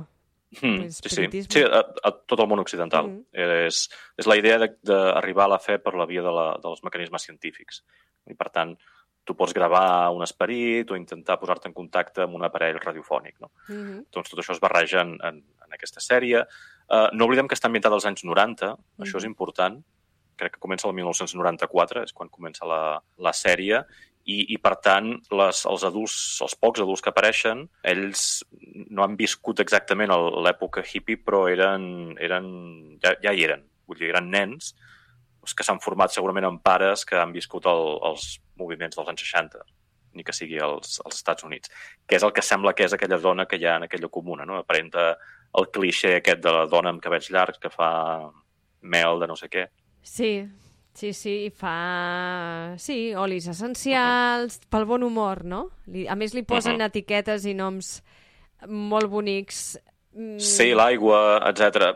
Això mm, segurament eh, coneixeu persones que pensen d'aquesta manera, perquè la, la, la sèrie va sobre el càncer, no?, en relació al, a una malaltia concreta, i, i constantment tenim onades de gent, a vegades està més de moda, a vegades està menys de moda, de suposar que el càncer és producte de un trauma previ o que no menges els, els aliments adequats, eh, els humors, eh, aquesta mena de, de pensament pseudocientífic que associem amb, amb, les, eh, amb les malalties. No? I, I la sèrie, doncs, un altre exemple de- de- d'això. Bé, Bé, i que, no, perdona, Ignasi, que les històries m'agraden, les que s'expliquen. Vull dir Que que... per mi és l'única cosa que val la pena. Sí, vull dir, que- exacte. És que al final ho esperes per això. Mm. Perquè el tema dels fantasmes passejant-se per la casa pff, no em fa... és que aquí és una cosa que dius que Mike Flanagan ja ha fet a les altres sèries i torna I a portar molt aquí millor. fantasmes ho ha fet passejant-se a la molt casa. millor abans. Sí, no era necessari, perquè de fet el llibre no hi és, o sigui, tota aquesta part se l'inventen i uh -huh. és, és nova i és com que va pujar el seu segell o fer una cosa que ell ja ha fet abans per un públic més adult, buscant ara un públic més adolescent. Jo crec que anava més per aquí. Ara, el que tu deies, Francesc, hi ha tantes coses, barreja tants elements que potser Uh -huh. posant-hi menys hagués anat amb més la sèrie. Tot i que a mi m'agrada, Sí. eh? Vull dir que no està malament, però és veritat que és una sèrie imperfecta, que hi ha moltes coses que, mm, retocant-les, podria haver estat una sèrie molt més satisfactòria. Clar, a mi, el que dèiem, què és el que més m'ha agradat? El que tu explicaves, no? Perquè al fi i al cap la sèrie és això, els contes de terror, de la foguera, eh, o que s'expliquen abans d'anar a dormir, o la típica foguera no? de peli americana, dels nanos, no? els escoltes que s'expliquen històries de por, que és una cosa que hem vist mil vegades, està molt bé. O, fins i tot, per l'edat dels protagonistes, tu pots dir que això és el Club dels Cinco, però amb malalts Mhm, terminals, no? mhm. Breakfast Club, jo crec que en aquest cas Uh -huh. fins i tot diria que el Christopher Pike, l'autor, es va inspirar en la pel·lícula, perquè ja li agafa això del club, no? li canviem el breakfast per al midnight i ja ho tens. Uh -huh. I tens uh, estudiants El tancats... ressupó, de, el club del ressupó. El, grup, el club del ressupó, correcte. No? Però I- no són cinc, són vuit. I van amb les seves infusions, els seus cafès i les seves coses allà. Perdona, si van amb ampolles però de vi... Seran, seran cinc aviat, no et preocupis. I menys de cinc, també. Clar, perquè la novel·la de Pike eren cinc, que aquesta és una de les Sí, diferències. Sí, dir. sí, Sí. sí, sí. La novel·la de Pike, clar, és una de les coses que a mi em fa pensar que el, el, el Breakfast Club, el Club dels Cinc, com es coneix aquí, és la gran inspiració. Allà, doncs, eh, els tenies castigats amb una aula de càstig i xerraven entre ells. Aquí no hi ha aula de càstig, però hi ha un hospici, estan tancats durant més temps No i és un xerren hospici, més. eh? Estàs traduint... És un false friend. Una És, és residència... una... Sí, de cures pal·liatives. Sí. Un hospital. un hospital, val. Doncs, bueno, bàsicament seria, seria aquest el tema. Sí que sobta que jo crec que és una cosa nova dintre de la ficció, que no estem molt acostumats, que és adolescents parlant de la mort. Sempre estem acostumats que són adults que ho fan, és un tema de la mort que no es toca mai en temes adolescents, no sé si perquè també tenen la por que si hi ha un públic adolescent, una sèrie d'adolescents que s'estan bueno, morint... Són pulseres vermelles, vull dir que... Uh -huh. Sí, però no sé si... S'ha copiat de... Pulsera... Crec, que- no sé, crec que no. Sí, no, no sé, aquí és que no hi ha... O sigui, aquí es moren tots, o sigui, estan tots morts terminals. No, no és que et puguin arribar a curar. No, no, aquí no hi ha esperança. Vull dir, aquí és el, el que tu deies, cures pal·liatives, per tant, és intentem que no pateixin abans de morir i que morin el més pacíficament i sense sentir dolor possible. Eh, Que, vull dir que és un, un producte molt més tràgic, penso jo, que, que aquests altres que comentàveu, no? Sí, de fet, aquest és un dels aspectes en què he vist, en sentir en Mike Flanagan parlant-ne, perquè he, he sentit una entrevista que li, que li han fet Primera de tot era que ell s'estima moltíssim, es veu les novel·les d'en Christopher Pike, que és un autor que va llegir de, amb aquesta edat de d'adolescència o pre-joventut, o pre, com, com li vulgueu dir aquestes edats de 14, 15, 16 i que volia portar-ho era com una cosa que tenia un... una missió de vida, que volia portar-ho a, a pantalla. Clar, diu que és el que més li ha costat, eh, comparant-ho, per exemple, amb les sèries anteriors no? que, que li hem vist, com Midnight Mass, perquè això, perquè li tenia una, una preci especial, no? Que suposo que és aquell record que tens de la joventut quan algú t'agrada molt i ho vols portar a cinema, en aquest cas a televisió. Uh, D'altra banda, clar, està ambientat als anys 90, que és cert, eh, Francesc, que es comença la sèrie, diu Sacramento 1994, que és on viu la Ilonga. Amb el... Fixeu-vos ara que dieu això dels 90. No és uns 90 excessivament nostàlgics, no? És a dir... Ah, no. Mm... No, veus No, coses, veus els Wallmans, veus Sí. coses, però no. És molt autèntic en aquest sentit. Sí, Sí, no. sí, sí. No diuen, ostres, has escoltat l'últim de Nirvana? No. Mm. I clar, ell eh, explica que també tenien una sala de guionistes com una sala de Midnight Club. O sigui que anaven Ah. uh, treballant conjuntament sobretot perquè sigués autèntic. És a, dir- és a dir, que allò que es, parl, es parla, els diàlegs, fossin eh, molt eh, versemblants als anys 90, no? I no només la música, això seria molt fàcil, no? Com, com, com posar-hi l'ambientació, te poso la música dels anys 90 i aquí ho deixo, no? Els diàlegs, les paraules, com es tractaven, perquè, per suposat, el que es parlava als anys 90, o com ens parlàvem nosaltres, no és com es parlen ara, no? Els, els joves i els referents, etc. I amb això sí que van tenir molta cura. I una de les coses que diu que va haver d'equilibrar va ser, no sé com ho heu vist, eh? L'humor en aquesta sèrie. Ell diu que va haver d'equilibrar parlar de la mort amb humor. Jo no l'he vist massa, eh, l'humor. I no sobrepassar-se, és a dir, no estirar massa de l'humor que tot semblés tan lleuger i que alhora alleugerís la idea de la mort, és a dir, que no fos banal, no? que allò que els hi passa realment és molt greu, però tampoc volien dramatitzar, és a dir, burxar en, la pena o en el drama o en, en el mateix diagnòstic, perquè si ho veieu el diagnòstic surt, però en el primer capítol, quan es coneixen la Ilonka i en Kevin, un li diu tu ets leuquèmia, no? tu ets leucèmia i jo sóc la... el càncer de tiroides, no? Suposo que tens nom, no? Li diu, sí, jo sóc la Ilonka i jo sóc en Kevin. Bé, és això, aquest equilibri, no? I que fer parlar als joves de la mort era algo que els preocupava i que se'n va parlar molt dins de la sala de guionistes. Jo sí que hi veig l'humor, eh? I, I com ell, ell que deia que, que era difícil trobar l'equilibri, és, és Sí. que jo crec que no l'ha no trobat perquè en circumstàncies tan no terribles... Ja ho he comentat abans amb aquell episodi, no? que, que expliquen històries sobrenaturals que com que són tan referencials del que els hi passa a ells, n'hi ha una que és com Terminator i, i esmenten James Cameron al final, per la situació tan, tan dramàtica que estan vivint, quan es fa, fan referència al drama, no, ja no t'ho creus, perquè com que ara ha estat fent conya d'això durant l'última hora i mitja dels darrers dos o tres episodis, diu, ostres, ara, ara estàs trist, no sé, és una mica... En, uh, una de mica, qui, una amb mica qui... estrany, això. Pa, tens algú en ment? Amb, amb tots, en general, amb, amb, excepte els personatges adults, que són els únics que, que, que són... eh, És que aquest és el problema que té tota la producció aquesta de Young Adult americana, que eh, posen nanos, en situ... nanos de 12 a 14 anys en situacions de mm, homosexualitat, mort, malaltia terminal, eh, arriben extraterrestres, etc. Llavors els nens es comporten com adults, però mm, això no ho fa més creïble, de fet, al contrari, ho fa menys creïble. Que, com es deia aquella? Fear, Fear Street, una cosa així? Sí. Sí, és que eh, el problema d'aquests productes és que, a diferència d'altres com It, Goonies i tal, uh, és que el, els nanos volen ser adults. En, el, en aquest tipus de young adult, com, com això del Midnight Club, ja són adults.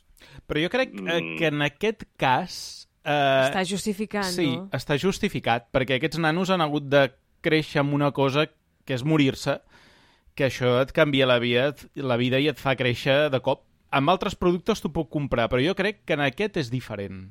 En aquest jo m'ho m'ho I de crec. tota manera també tenen la... Tot i que no tenen perspectiva de futur, sí que tenen ganes d'enamorar-se, no? Al final... És que, clar, és que aquest és l'altre problema que té el Young Adult, que està pensat per nanos que no creixeran més. No, no són coming in age, sabeu aquests productes Sí, de... sí, sí. Tal, no? no? No són això, són productes pensats per adolescents que sempre seran adolescents. Uh, no, no hi ha la perspectiva aquesta de deixar de ser-ho. I aquí encara és més clar perquè moriran, no? Per tant, això encara és, és, és el cas més extrem, potser. I, I per mi aquest és el problema d'estil que tenen aquests, um, aquests tipus de productes. Uh, N'hi havia una, com es deia aquella pel·li de terror, també a Netflix, per cert, There's Someone Inside Your House, o Hay alguien dentro de tu casa, no sé com es hauria traduir a... És una pel·li de fa dos anys, de terror, no? I, i clar, la noia està traumatitzada, uh, és una mena de slasher també, i la nena està traumatitzada per una cosa que li ha passat al lloc d'origen. I, ostres, clar, t'imagines una cosa tan forta i al final resulta que, que no era res de l'altre món. Però la manera com t'entra la banda sonora, el zoom en els ulls de la noia i el record del flashback, t'ho venen com si fos traumàtic però en realitat és molt més traumàtic el que està passant en aquell present de la, de la pel·li. Doncs a The Midnight Club passa el mateix. Hauria de ser molt més traumàtic el que els hi passa, i no que fa 200 anys hi havia una secta que feia no sé què. Um, llavors treu força sí. a les altres, Am- a les altres ah, històries. Ja entenc el que dius i a mi el que m'ha passat és que el personatge de l'Elonca se m'ha fet feixuc. Mm. Pel que sigui, eh? No acabo de Mhm. veure el que... En canvi, l'Ània m'ha encantat, aquest uh, personatge agre que Mm. es comporta com una jove emprenyada amb el món, perquè els joves, els adolescents... És que és l'única que revela. Clar, estan emprenyats amb el món i, i els adults els importen una merda i, i si ha de traspassar els límits dels narcòtics els traspassa i, i és una yonqui perquè té molt de mal i té un càncer d'ossos i escolta, i al final dius, eh, aquesta sí que m'agrada, aquest Clar, personatge. és que és la que es comporta com un adolescent perdó per la paraula, de veritat, no? És que els altres ja es comporten com adults i, per tant, ostres, és una putada, no? Tens sida, sí, sí. És... L'Spence, motiu. sí, és molt madur per... No? És... Clar, és un Però nano que- que, a més... És molt madur, però tenen, tenen 14 anys o 13 o els No, que siguin, per tant, no, més, més, més. Ània. Tenen més. Són Tenen majors d'edat, 17 o la 18, majoria, sí, sí. Tenen, són majors Ah, d'edat. són majors d'edat? Sí, Sí, sí, sí. sí, sí, sí. Sí, perquè, la, per no, exemple, tenen la, 18, si van a l'institut. La Ilonka s'acaba de graduar i és una Sí. estudiant magnífica, excel·lent, brillant. La i... Loca, quan la, li diagnostiquen... Ah, sí que vol anar a la està universitat, Sí, sí. està a punt d'entrar a la universitat. I, de sí. fet, quan està en el, Sí, està en el centre, rep cartes de la seva amiga que està a la universitat, sí, que li i explica... explica... Sí, Sí, sí. i ella està, I les clar. pens igual... Um, i tots, tots uh, són això, uh, acabats... Mira, en, en Kevin, us en recordeu d'aquell episodi? Els tinc tots una mica resumits, eh? Uh, en què um, el maquillen, el vesteixen... Sí, sí, va a la graduació de, Sí. Correcte. de l'institut, sí. Mhm. Hosti, aquest capítol és... M'agrada molt el, el personatge d'en Kevin, eh? Sí, perquè molt. el maquillen perquè no sembli un mort en vida. És molt, perquè... és molt dramàtic, eh? És de, Mm. és de, és de plorar, eh? Sí, si, no, sí. si no fos per, per com es parlen, uh, Ja. ploraries, eh? Exacte, si no fos per com es parla. Si no fos per com es parlen, ploraries, Ja. eh? Sí, no sé si perquè també mm, que no sigui tan dramàtic, no? Perquè podria allunyar l'espectador. Sí, en, en Flanagan ho ha dit, eh? Que no volia tampoc un drama Sí. de sèrie. Perquè està pensat per un tipus d'espectador, un tipus de públic que no som nosaltres. Exacte, Bueno, exacte. No, no esperem... a mi No, no, no, m'agraden no està la- pensat, la- no. a mi m'agraden aquestes sèries. No, però eh, tu com la visió adulta Sí, no, és, clar, ja, ostres, sí. que s'està morint, que, Sí, que, sí. que està en pitjor, que Sí, mira no. quin color de pell, que mira... I, I en el llibre Però tu veus, és a dir, tu veus el color de pell que té, veus tot el que li fan, el maquillatge que i està tal. i- cansat, que és un nano de 18 anys i no, i no pot amb I la no seva tira, ànima. no, no, dius, poses allà i potser se t'hi queda, perquè li estàs fent fent un esforç que, que el nano no pot. En fi, Mm. si voleu parlem una mica dels, uh, del càsting, el, els actors, que de fet, com que tampoc tenen gaire experiència, anirem molt rapidets. Tenim a Iman Benson, que és Ilonka, que té aquest càncer de tiroide, Ibby Rigney, que és uh, Kevin, uh, que té leucèmia, actor que havíem vist a Midnight Mass, aquest Mm. sí, com varis dels que Mhm. tenim aquí, era el fill petit de la família protagonista. A Ruth Cott és Anya, que és la companya d'habitació d'Ilonka, que té càncer d'ossos. Anara Simone és eh, Sandra, que té linfoma i és la cristiana, ve de Minna i Mas també. Recordem, era la nena que anava en cadira de rodes Mm, miracle. i que miraculosament Uh-huh. s'aixecava, exacte. Sí, sí. Tenim Chris uh, Sumter, que és Spencer, el que té sida, Cherry, que és la que té pares rics i No, fabrica... cherry no és una cherry, no és una tomata, eh? Cherry. Cherry, vale. Doncs Adia és Sherry, eh, que és la que subministra perruques eh, Ah, als... Eh, Que se supo... Això és tot un misteri, no?, aquesta noia. Es toca el cello, té una habitació enorme, jo crec que la... A més està sola a l'habitació, és Bueno. l'única que no té company ni companya d'habitació. Família rica, ha família tingut sempre el que rica, ha volgut. Però, Mm. ai, ningú la va veure. mm, és el drama, és el drama. És el drama dels rics. Sí. Aya Furukawa és Natsuki, eh, té càncer d'ovaris i, a més a més, té una depressió important, aquest personatge. Ah, És que jo... Bueno, en fi. Saurian Sakopka és Amesh, que té un glioblastoma, i aquests serien els eh, vuit personatges. Llavors tenim a Samantha Sloyan, que és eh, Sashta, que és aquesta senyora Sí. que viu a la comuna. Que també l'havíem vist, no? a Midnight Mass era la... Uh-huh. mm, Com la es deia, Francesc? Tu vas dir quan vam parlar de Midnight Mass, la que ajudava el, El capellà. el capellà, que té un... Sí, és, és la... La laica, no? És, ella és una laica, però ajuda... És com una monaguilla. Era com una monja, però no era Sí. monja, No, no? com una Eh, És el que, no. el, el, que es, de- el que es deia en context catòlic, bueno, suposo que encara existeixen els, els obrers, els obrers de l'Església. Seria l'equivalent en context anglosaxó. Però ella ja havia sortit en altres productes de, De Flanagan, segurament, de sí. Flanagan, sí. Ah, no sé si estava en aquell d'exorcistes o el... En tot cas, Però, però havia, havia sortit abans, havia sortit abans. sí, a és, bona, Mass... és bona actriu. Sí, fa molt bé.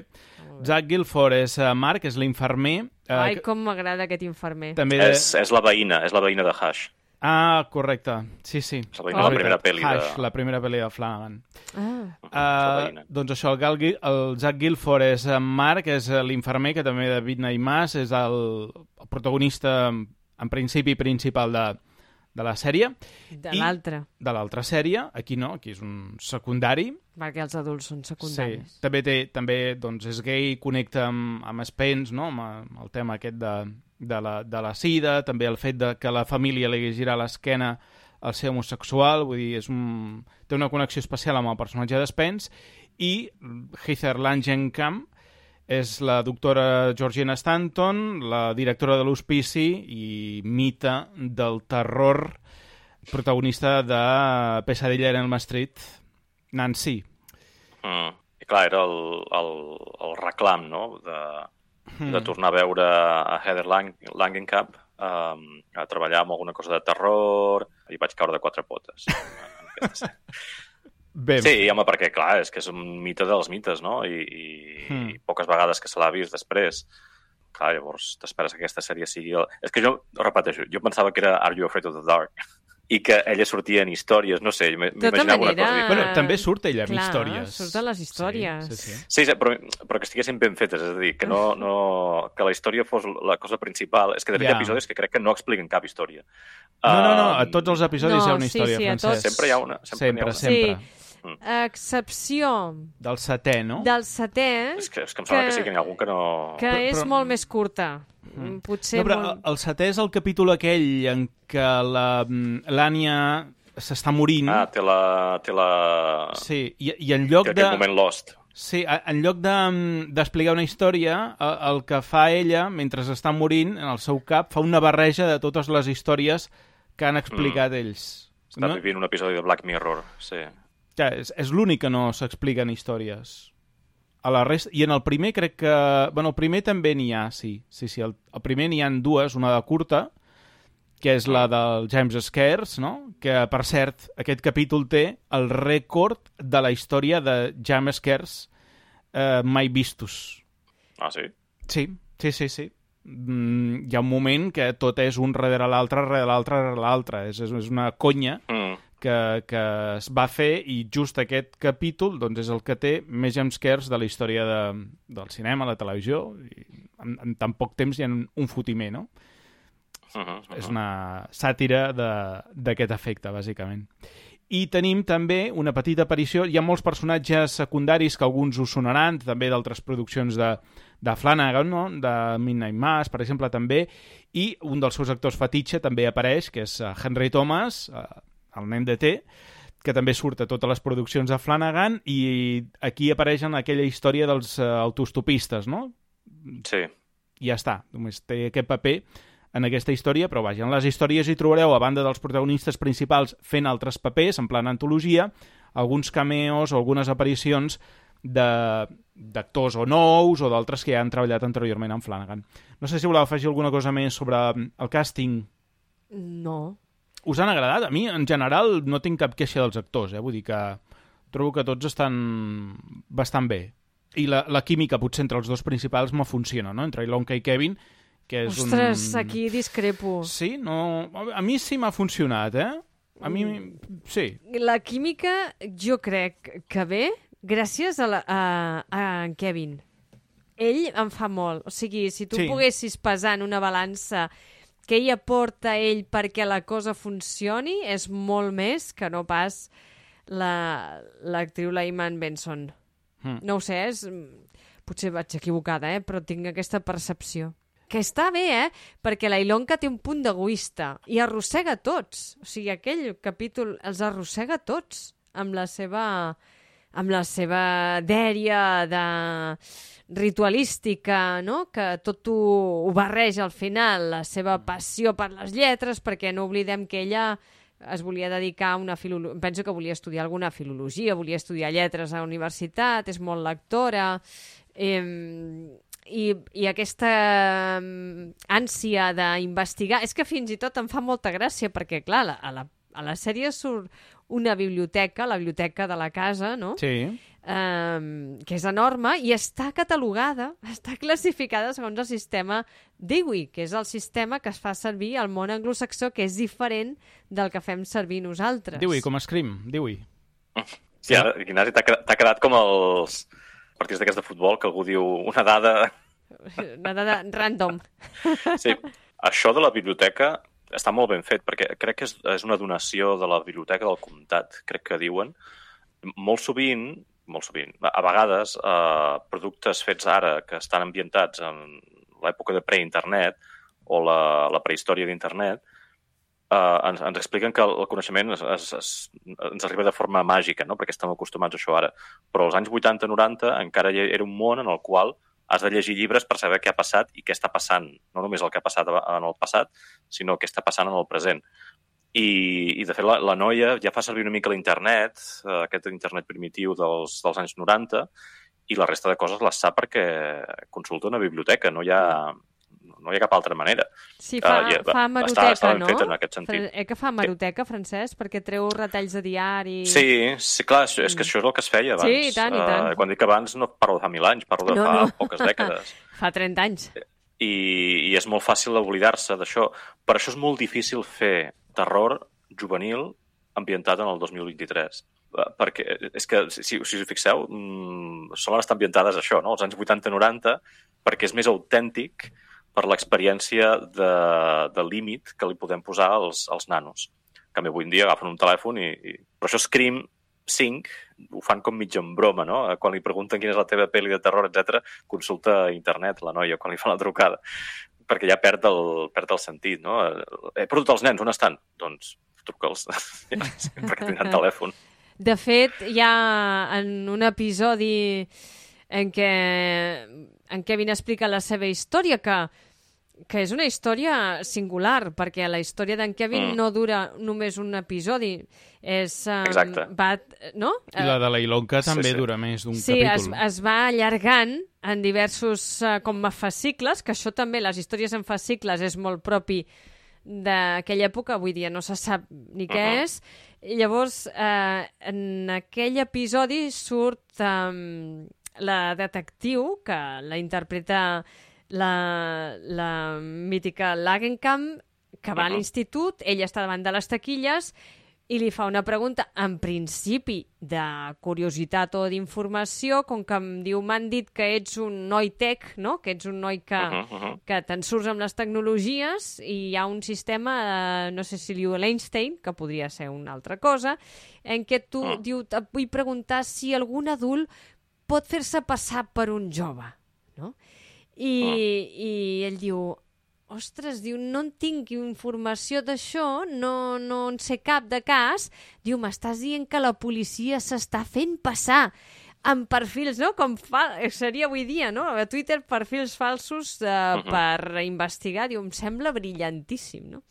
I, uh, I clar, aquí queda autèntic, perquè estem a les beceroles de, uh -huh. del món aquest uh, virtual, no?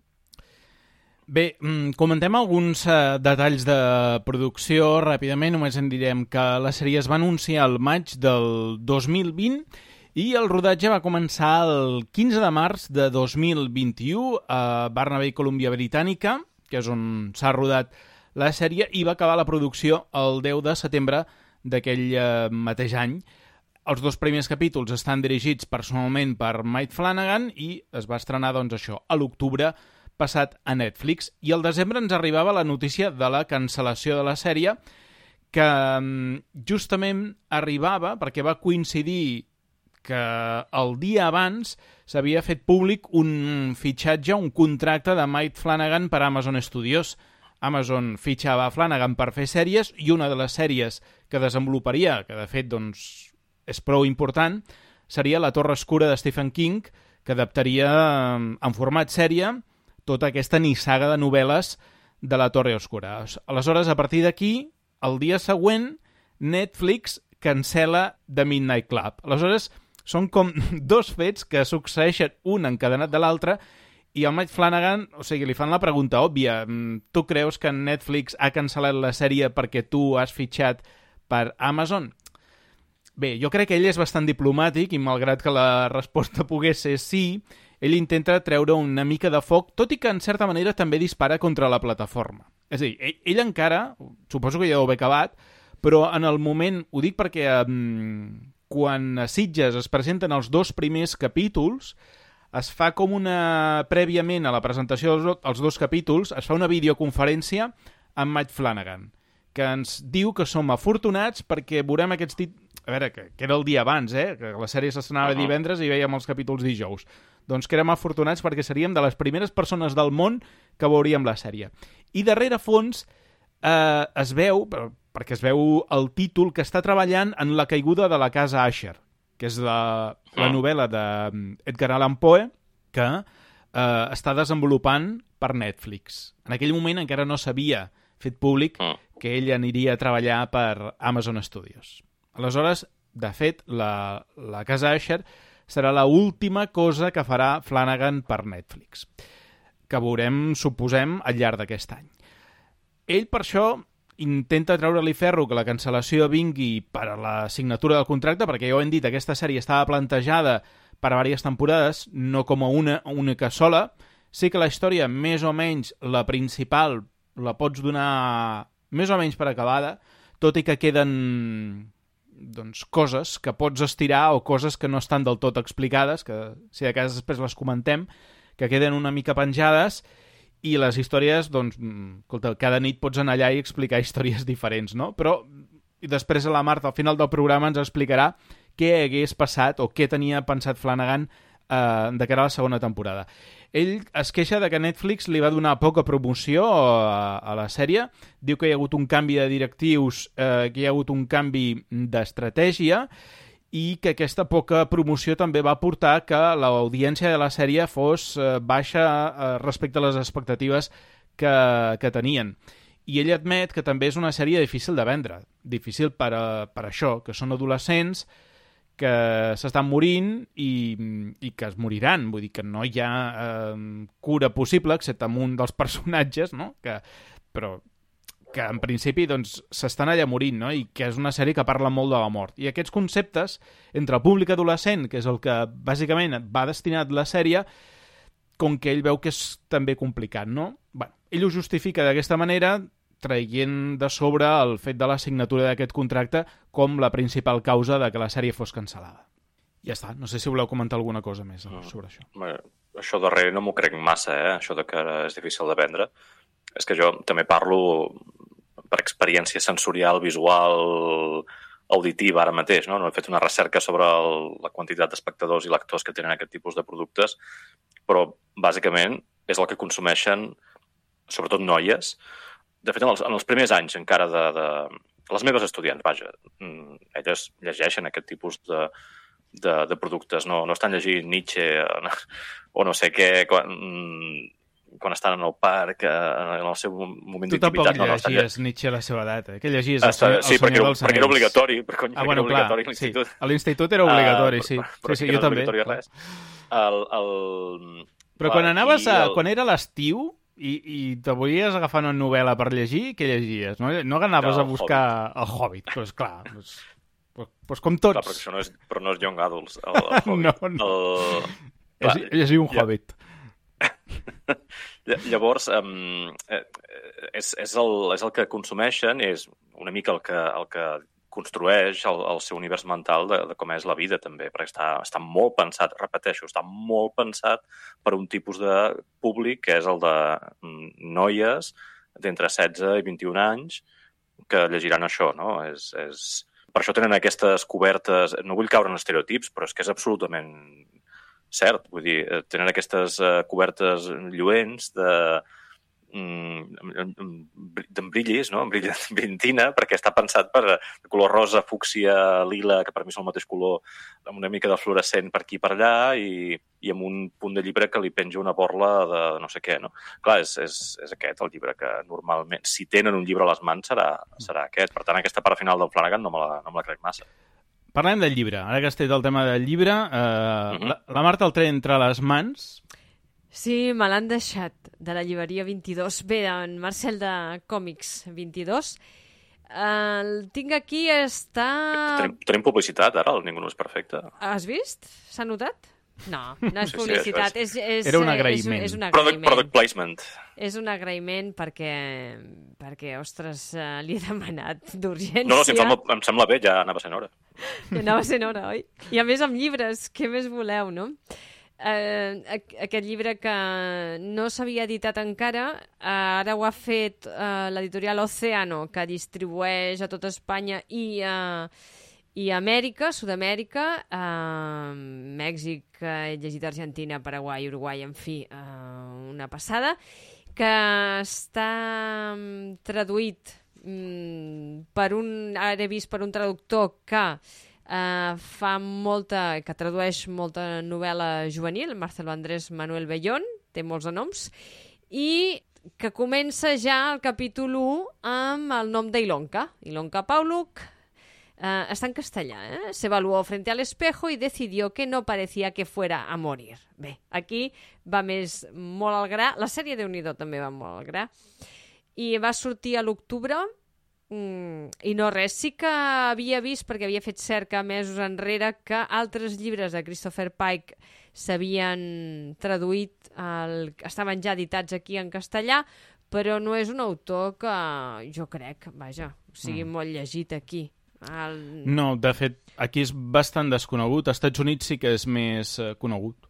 I me l'he l'he fullejat, aviso, no l'he llegit, l'he fullejat i mm, tenia curiositat, primera, per saber què explicava, quines històries, i eh, sí que ja veiem que la Ilonka i l'Ània tenen una relació i que l'Ània ja la presenta com una noia eh, que té càncer d'ossos, això coincideix, eh, la Ilonka també coincideix amb, amb, la, amb el seu diagnòstic, amb un, amb un caràcter fort, amb un caràcter aspre, amb una noia que es, que, que es fica amb tothom i que, que bé, eh, és la cosa així. Jo us explicaré la, les diferències que té el llibre i, i la sèrie. Per tant, faré spoilers del llibre. Aviso, per si algú se'l vol llegir, doncs ara venen un grapat de spoilers del llibre. Ostres, spoilers d'un llibre, no sé si es diu així, però, però mm, el que sí sabem, Ignasi, és que les històries de la sèrie del Midnight Club no són No, Ara ho explicarem, Del... perquè és una de les diferències importants. Bé, els, uh, els pacients són a Rotherham Home, per tant, el nom de l'hospital no és Brightcliff, canvia. No, és veritat. Uh, sí que és un centre de cures pal·liatives, no són 8, són 5, i són Ilanka, Kevin, Anya, Spence i Sandra. I l'onca. Què he dit? No sé què he dit. Ilanka. Ilonka, Kevin, que són els dos protagonistes principals, Anya, la ballarina, Sí. Spence, que té sida, i Sandra, que és la, la cristiana. Aquests són els cinc. Els altres tres, Vaya etiquetes que els hi has fotut, eh? El que té sida i la cristiana. bueno, ja ens... En... Home, és, que no, és perquè ens entenguem Molt bé, rat. molt bé. Francesc, ho ha fet bé o... I a, i a Michelangelo li agrada ballar, sí. I a més, ja en el llibre ja sabem, a les primeres pàgines, que a la Ilonka li agrada en Kevin. Sí, home, és que aquí, a veure, aquí és el gran spoiler de la novel·la que ja explico ara, que Ilonka les històries que explica són històries de les seves vides passades. Que això és un tema que no hi és eh, per res. Aquí canvia el tema aquest de, del ritual, de la... No, clar, el, el llibre... Tot el del Paragon no hi és aquí. No hi és. És a dir, ell assumia amb un gurú espiritual que anomena el mestre, Sí. i aquest mestre qui és? És Kevin. És Kevin que han tingut històries i han estat amants a l'antic Egipte, a la Índia eren mare i fill, i a Rotterdam House són Ilonka i Kevin. Aleshores, sempre han estat junts. És la reencarnació? Correcte. És, I, és com el capità Harlock. i ella el que explica són aquestes històries eh, passades. Ella se li acaba el temps perquè s'està morint i vol compartir eh, aquesta informació que té amb Kevin. Aleshores, el que fa la sèrie és incorporar tota una sèrie d'elements que venen d'altres novel·les de Christopher Pike, de la qual cosa acaba sent no només una adaptació d'aquesta novel·la, sinó un homenatge a tota l'obra de, de Christopher Pike. Aquí la doctora canvia perquè no hi ha una doctora Stanton, es canvia per uh, doctor doctora White, ara no sé si és... És un doctor que Mhm. ens explica al llibre, a la pàgina 26, Sí, que El- de jove va coix. Té això, aquest, aquest um, físic, no? Té aquest de, bueno, defecte o Sí. aquesta peculiaritat física. I és que de jove... habilitat especial. aquesta habilitat especial, gràcies, i és que de jove um, havia, es veu que havia anat als encierros, saps, de Pamplona. i per això es va quedar coix. Sí, un de, toro de, va de, pillar. sí, sí, sí, sí, de córrer, no és que el pillés no ho diu en cap cas, però hi va anar com per viure-ho, i de córrer davant dels toros doncs va caure, se suposa, i es va Què, trencar què passa a la la cama. novel·la americana amb els toros? A Dune també teníem toros i, Mm. i, i aquí també tenim toros, escolta'm. Sí, sí, és, és, un, és un... A veure, i aquí, també, aquí hi ha rodeos, vull dir... El que passa que és, és millor pensar que és una cosa que passa fora perquè llavors sembla que siguis més experimentat i tinguis eh, coneixements exòtics de terres llunyanes com Exacte. Pamplona, no? Bé. Uh, que és, és... Però això ja ve de Hemingway Ja. i Que a de més no ho situa, diu... Blasco Ibáñez. Diu los toros de Pamplona i no diu on és. Bueno, ni, però tu ni... ja ho saps, on és. Sí, bueno, Home, jo sí. gent... És de les poques coses que els meus estudiants saben, eh? Si dic alguna cosa d'Espanya és toros de Pamplona, concretament, i paella. Mhm. Ahà. Tornem a la novel·la. Eh, els adolescents fan aquest pacte de que si hi havia després de la mort, el primer que mori ha d'anar a intentar contactar amb la resta. Després de que Anya mor mm, i ells no reben cap senyal, abandonen aquesta idea de pensar que hi ha una altra vida o el que hi ha a l'altra vida. En els últims capítols de la novel·la es concentra sobretot això, en la relació entre Ilonka i Kevin, i mentre Ilonka va explicant aquestes històries, Kevin va recordant aquest passat de vides passades que ell no recordava. I aleshores, al igual que passa a la sèrie, Ilonka aconsegueix convèncer Casey, que és la xicota del Kevin, de que trenquin, i ell entén que estan destinats a estar junts i fins i tot es fan un petó, que és de la mateixa manera doncs, que passa a la sèrie, però sense aquest background de les vides passades. Sí que és cert que Kevin acaba morint a, a la novel·la quan li toca, perquè aquí ja sabem que, que tots moren, i s'acaba descobrint que és com una mena de... O sigui, estan destinats a estar junts, però sempre hi ha, al llarg de les seves vides, algun esdeveniment còsmic que fa que mai estiguin junts. És a dir, mai envelleixen junts. Sempre passa alguna cosa que s'acaba trencant aquesta relació entre És, ambdós. és Lady Halcón. Bé, uh, el cas és que Ilonka fins i tot arriba a somiar amb una vida passada que va morir d'una ganivetada a l'estómac, que és justament on se li reprodueix el càncer eh, per primera vegada doncs, a la vida actual que té, no? I també hi ha tota aquesta trama de les pens, eh, que té sida, s'explica la relació que tenia amb, amb, amb Carl, no? que era la seva parella, Carl mor de sida, i al final no se sap qui dels dos va contagiar a qui, no? És una de les coses que qui Però va ser el que això- va tenir primer el VIH. Això, eh, pel que he vist, ho explica al final del llibre. Sí, sí, sí. Bueno, Perquè durant el llibre parla d'una tal Caroline. O sigui, no surt de l'armari en, el, en la casa. Doncs és molt més interessant que sapiguem quina és la seva sexualitat només Home, començar clar, com passa la sèrie, clar, no? però això és dels 94, o Clar. sigui, la, o sigui, la novel·la és de, dels 90. Veus, aquesta, en aquest cas és un, un bon element que crec que, que, han, que han actualitzat, no? És, és això. Es veu que ell rep una correspondència, que això també és molt interessant. Francesc, rebre cartes avui dia ho fa molt poca gent, no? No, no, no escrivim cartes, no? No acostumem a fer-ho. Ell rep unes cartes en nom de... i ho explica, no? En nom de, de Caroline, però al final de tot explica que no és Caroline, que és Carl, i que era el xicot Yes. que tenia amb qui es va contagiar i que ell pensa que el va matar, ell. Et dono el mar d'empenyora, eh, això. El, el, aquell relat eh, en català que també acaba que descobreixes que Sí. la història d'amor d'una dona era una altra dona, no? I tu has pensat Sí, sí, tot el sí, relat sí. que, era, que, era un, Sí, sí, que era un home, clar, és... és... sí, sí. En tot Perquè la cas, novel·la, recordem, la novel·la és dels 90. seguim. Ni la casa ni l'hospital està embruixat, ni hi han fantasmes, eh, que són els propietaris de la casa, no? com passa a, a la novel·la, eh, ni apareix el mestre, ni, Ni el res... doctor White. No, no, no, no, no. no. Eh? Vull dir que tots aquests conceptes no hi són. Només una de les històries que s'expliquen a, a la sèrie de Netflix és una de les històries que surt de la novel·la, que s'expliquen, que és la de les dos danes, que és la que explica sí, Ània. sí, m'agrada aquella història. Està molt bé. Aquesta està molt bé. I la resta són altres novel·les de Christopher Pike. És a dir, eh, més o menys aquí les tenim. El Cor Malvat, que és una novel·la de Pike, és la que s'expliquen ells al capítol 3. Dóna'm un petó, al capítol 4. És fes-me, fes-me un petó. Fes-me un petó. Et veig després, al capítol 5. Bruixa, al 6. Camí a cap lloc, al 8. I l'enemic etern, al 9.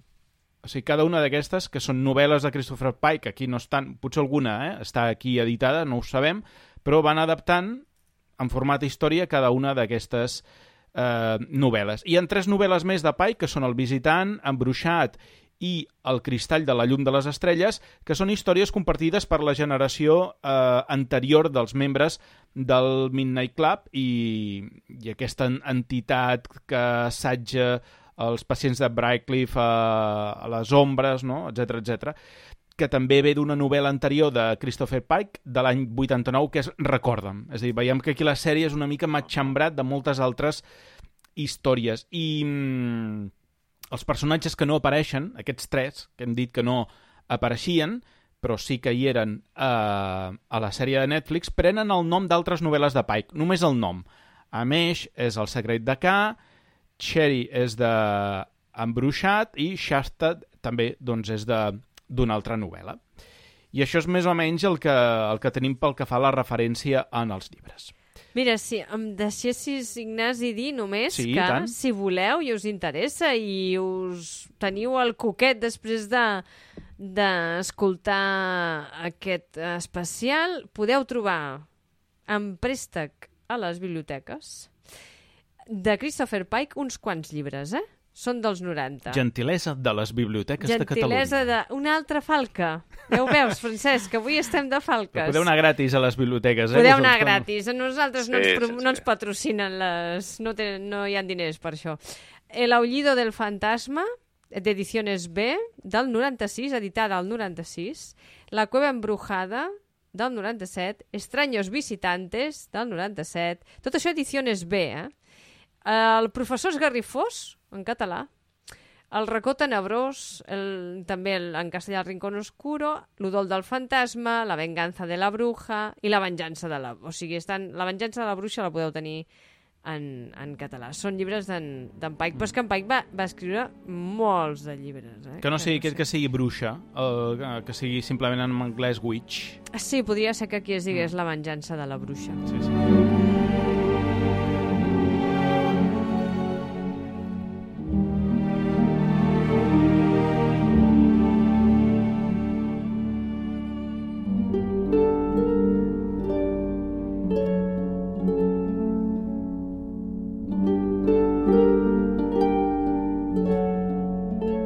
Per la part de les trames, si de cas anem a comentar una mica mm, la trama principal. No sé si ens ha quedat alguna cosa a dir d'aquest tema de, de les sectes. Ja a la part prèvia ja han comentat una mica, no? Però, però a veure si voleu afegir alguna coseta més. Tot comença amb aquest personatge de, de Julia Hyde, eh, que és la que en teoria es va curar i és la que Ilonka creu que ha de seguir la pista per trobar ella també la curació, no? I a partir d'aquí doncs, va descobrint tota aquesta història, aquest ritual, que fins i tot arriben a fer a mània, no? que no funciona, etc etc. Què teniu a dir d'aquesta part que ja... Que, bueno, que tampoc és que ens hagi entusiasmat massa, però que tenim aquí, aquesta història de fantasmes, no? que van apareixent també... Ja, perquè és que de fet és el que tu esperes que es desenvoluparà amb més força a la segona temporada, però clar, no, no existeix. Acaba amb un cliffhanger, que sembla ser que la, la directora o el que sigui la peça General Street, vaja. Sí. Que està vinculada amb allò i crec que és que acaba en aquell moment la, la temporada i, i dius, ostres, a la segona temporada es descobrirà alguna cosa més d'aquest culte i no. no. Sí, perquè de fet... Però va enlloc, vaja. Acaba que sembla que ella també estigui malalta, no? Perquè no té... fa servir perruca, no té cabell, sembla que també tingui algun tipus de càncer Sí, o que estigui o- ten... fent algun tractament, tot i que semblava que no.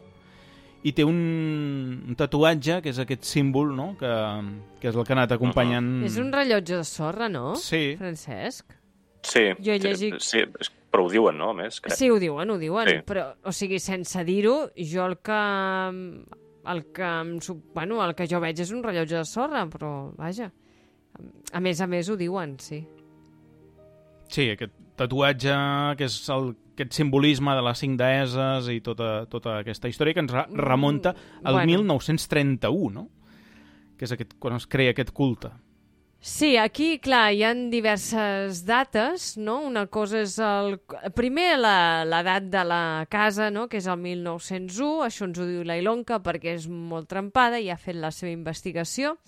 Després, l'aparició del culte, que tu dius, Ignasi, que és dels 30, i després apareix molt ràpidament, no sé si és en el segon capítol, um, ho tinc apuntat, eh? però bé, molt ràpid en la sèrie apareix el, o el tercer que poden anar al, al subsol, no? allà al, Sí. en aquell soterrani, Ah, sí. i eh, descobreixen un diari de l'any 69, 68-69, en què ja eh, s'explica això, que és un club de, de la mitjanit, que s'expliquen històries, fan una mica de registre, hi ha dibuixos amb simbologia, eh, quins eren els... eren vuit membres com els d'ara, eh, i també hi ha aquell ritual que que són aquelles frases, no?, de, per aquells, no?, uh, to those before, to those, pels que som ara, pels que van Mhm. uh, ser-hi abans i pels que vindran després, els vistos i no vistos, no? Uh, és molt bonic, aquestes frases, la Sí. veritat, són boniques, Uh, I alhora és un ritual, es veu, de pertinença. Uh, en el llibre surt, eh? Aquest, aquesta mena de ritual diu de pertinença i és aquesta promesa que es fa i que tot club, i tu saps molt bé, no, Francesc, tota la ritualística d'entrar en una mena de grup eh, amb, en què segueixen uns rituals, uns, una metodologia procedimental, tot molt ben pautat i que fins i tot necessites l'aprovació o la desaprovació del grup, en aquest cas de la teva història que explicaràs o no, o de si entres com a membre, si no... La cosa és que aquesta frases que inaugura cada mitjanit a aquest club símbol, eh, té la simbologia de una promesa que quan tu moris, el proper que mori, des del més enllà, perquè se suposa que hi ha un més enllà, no sé si que ho posa en dubte, però bé, hi ha un més enllà, donaràs senyals, faràs senyals per als que han quedat vius eh, en el més cap aquí, a la, a la vida real, no? I eh, a banda de la poètica, no? perquè al final és la poètica de les frases i que tu acabes aprenent, doncs simbolitza això i que això ve de- d'alguna manera des dels anys 60 i no sé com ha arribat fins aquí, perquè en això, o sigui, els... Ja. No? Us ha passat? No s'explica No no massa bé. És que en un grup tan tancat com és possible que no hi hagi una tradició oral del... O sigui, és a dir, cap nano se'n recorda dels nanos d'abans? Vull dir, hauria de ser així, oi? Vull dir, el, el... no arriben Clar. de nou, és a Sí. dir, no, no moren vuit de cop i diu, vale, ja tenim... Eh, no, comencem des de zero una altra vegada. Entenc que no funciona Però així, a més és que la, eh, de bones a primeres a la Ilonka no li diuen res, que hi ha aquest club. Bueno, sempre És és, que- el és que és un rebuig... producte que està pensat per- El rebuig al recent... No? El recent arribat, eh, les Sí. suspicàcies, no sabem si ets prou bona per entrar dins del nostre Mm. club... Jo és que aquesta trama dic, bueno, és el més, menys interessant. M'interessa més el que són les relacions de personatges que els hi passa amb ells i com es reflexa el que els hi passa amb ells en les històries que expliquen. Això és el, el que més m'agrada de la sèrie. Aquesta trama, Mm. Bueno, està allà, però pff, tampoc és... És que, és que a més és molt complicada perquè el Club de la Mitjanit està passant en paral·lel dintre del, del Paragon o com es digui la, la secta aquesta. En- Entenc que sí, no? Vull dir, o està, està passant en paral·lel o en l'underground de d'aquest altre, del culte aquest eh, Però que en- comença als anys 30. Què vols dir? En quines èpoques? Als anys 60, perquè Ah, la Jane no sé què eh, és membre del Club de la Mitjanit i també Mira, és està la- dintre de la secta. És la Julia Jane. Sí, però la Julia Julia Jane és la, la dona de les plantes que es veu venir, no? Que... La dona de les Mm, plantes. sí, Sí. Uau, també el, el, tui, el plot twist és al·lucinant, eh? Quan te. Soc, soc ella, diu, home, és que, és que no podia ser cap altra. Bueno, perquè, més- primer, perquè a més te la presenten pèl roja. O Sí, sigui, que i ella és Ja. allà...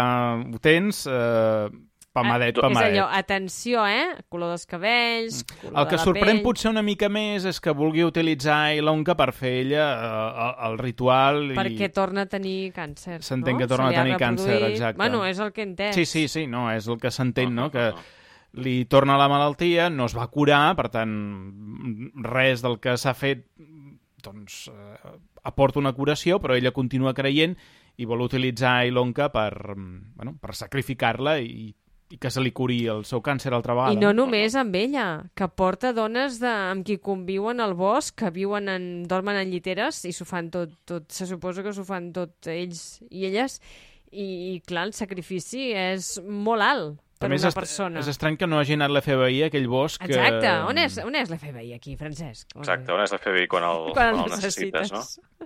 Bueno, eren els anys Sí. 90, devien estar en Expediente X buscant ovnis més que anant pels boscos de la Colúmbia Britànica. O Waco, amb coses més, més fumudes, no? No, si no comencen a acumular armes i coses així, no. Ja, perquè només els- trafiquen en plantes, tampoc. Clar, és que pensa que la llibertat religiosa ja és el que té, no?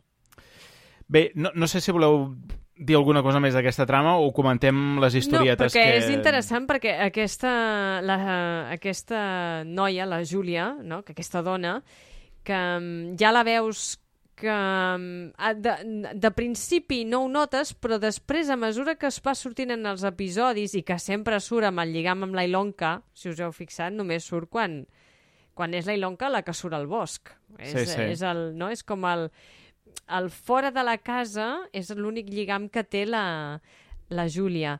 Uh, està desnonada. O sigui, no pot travessar, això ens, ens ho diuen després, hi ha uns límits forestals, no? Uh -huh. Una, unes fites que ella no pot travessar perquè està, no pot, té prohibida l'entrada a la casa. I fa servir la Ilonka com a salconduit de la casa, o sigui, per obre l'escletxa per entrar-hi. Com Ah. una delinqüent. De fet, s'escola a la casa. Perquè la, la doctora Stanton li té, ja sap qui és.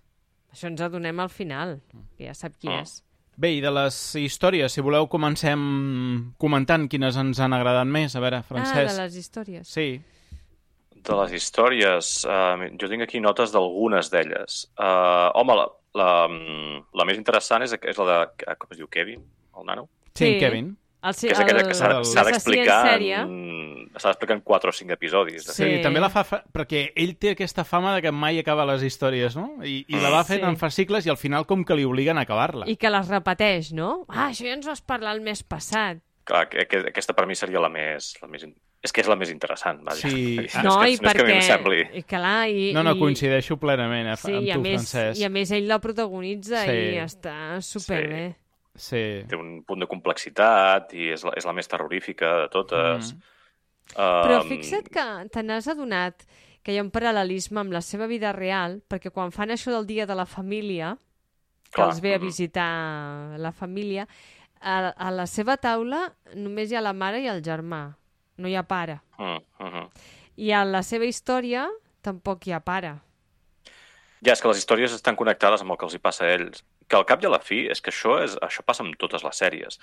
El, el cas de torn, no? allò que els hi passa a la feina, és una mena de mirall del que els està passant a la vida real, amb, amb més o menys directe.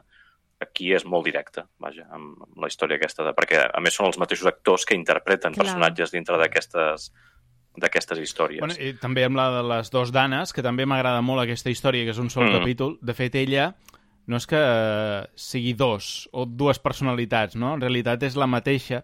Tu pots traspassar el que ella explica com a conte, com a com una duplicitat, no? Una dana que està a casa, que, no? i una dana que surt de casa, que pren drogues, que, que té una vida boja... El, és la mateixa dana, en la realitat, la que li va passar les dues Uh-huh. coses, no? Però com, com ho explica, que no és, que no és dana, sinó que és Ània, no? Però, eh, tal com ho explica, bueno, és el que tu dius, aquest traspàs entre la realitat i la ficció, que és curiós, que és una de les coses bones de la sèrie, que és a través de la ficció, com tu com a espectador t'has de construir la realitat de lo que li ha passat al personatge. Mai t'expliquen exactament què és el que li passa al personatge. L'única que tens Ah. és Ilonka, perquè és la protagonista i en el primer capítol t'expliquen quina és la seva vida i què és el que passa amb ella. Però la resta els Ah. coneixes a través de les històries, bàsicament, i també de les converses que tenen a, a l'hospital. I són històries que agafen idees de- d'històries anteriors, vull dir, de- d'històries de, de sobrenaturals, de ciència-ficció, de terror, la de, la de aquesta de, de, de Telltale Heart, um, és, està al darrere d'aquesta història de, de l'en Kevin, no? perquè és, arriba un moment que diu fins i tot frases d'aquesta història d'Edgar Allan Poe. És la el cor de l'ató, em penso que es va traduir al català uh, on algú ha matat algú altre i llavors uh, ell creu que els altres poden escoltar, poden sentir el que, el que passa amb el cadàver, alguna cosa que surt del cadàver, no? I és aquesta, aquesta referència apareix en la història de Kevin, uh, ja he comentat abans que hi ha una història que s'assembla a Terminator, uh, on La de- algú del el- futur ha de matar algú del passat. És la de les cites de vídeo, aquesta? No? és la de dels videojocs. Ah, no, la del videojoc, sí, sí, perdona, sí. I és, és, és Terminator, vaja. És, Una mica uh, hi ha Terminator, altra jocs de història- guerra, no? També una mica. Sí, jocs de guerra, exacte, també. Aquella de la, la neo-noir, no? Que és aquesta Mm. de... Que és la que la menys, pel·li de Humphrey Bogart. la que menys potser m'ha cridat l'atenció. És que aquesta ja és... És com... Sembla un episodi paròdia d'aquells de d'Expediente X, Sí, que feien, feien Sí, episodis sí. per riure-se'n. Però, clar, tu pots riure de tu mateix quan has fet quatre temporades de la sèrie. Quan portes dos episodis, no pots pretendre que hi hagi un univers mental dintre de l'espectador. I també tenim les, la història aquella dels, de, que mencionava ara, no? de les cintes en VHS, les gravacions de les notícies del futur. Aquesta em va agradar, també està xula. Ostres, aquesta... És la de les pens, la que protagonitza ell, que graven... No? És, un vídeo, és un vídeo que grava coses que Sí. passaran en el futur. I aleshores... Vale, vale.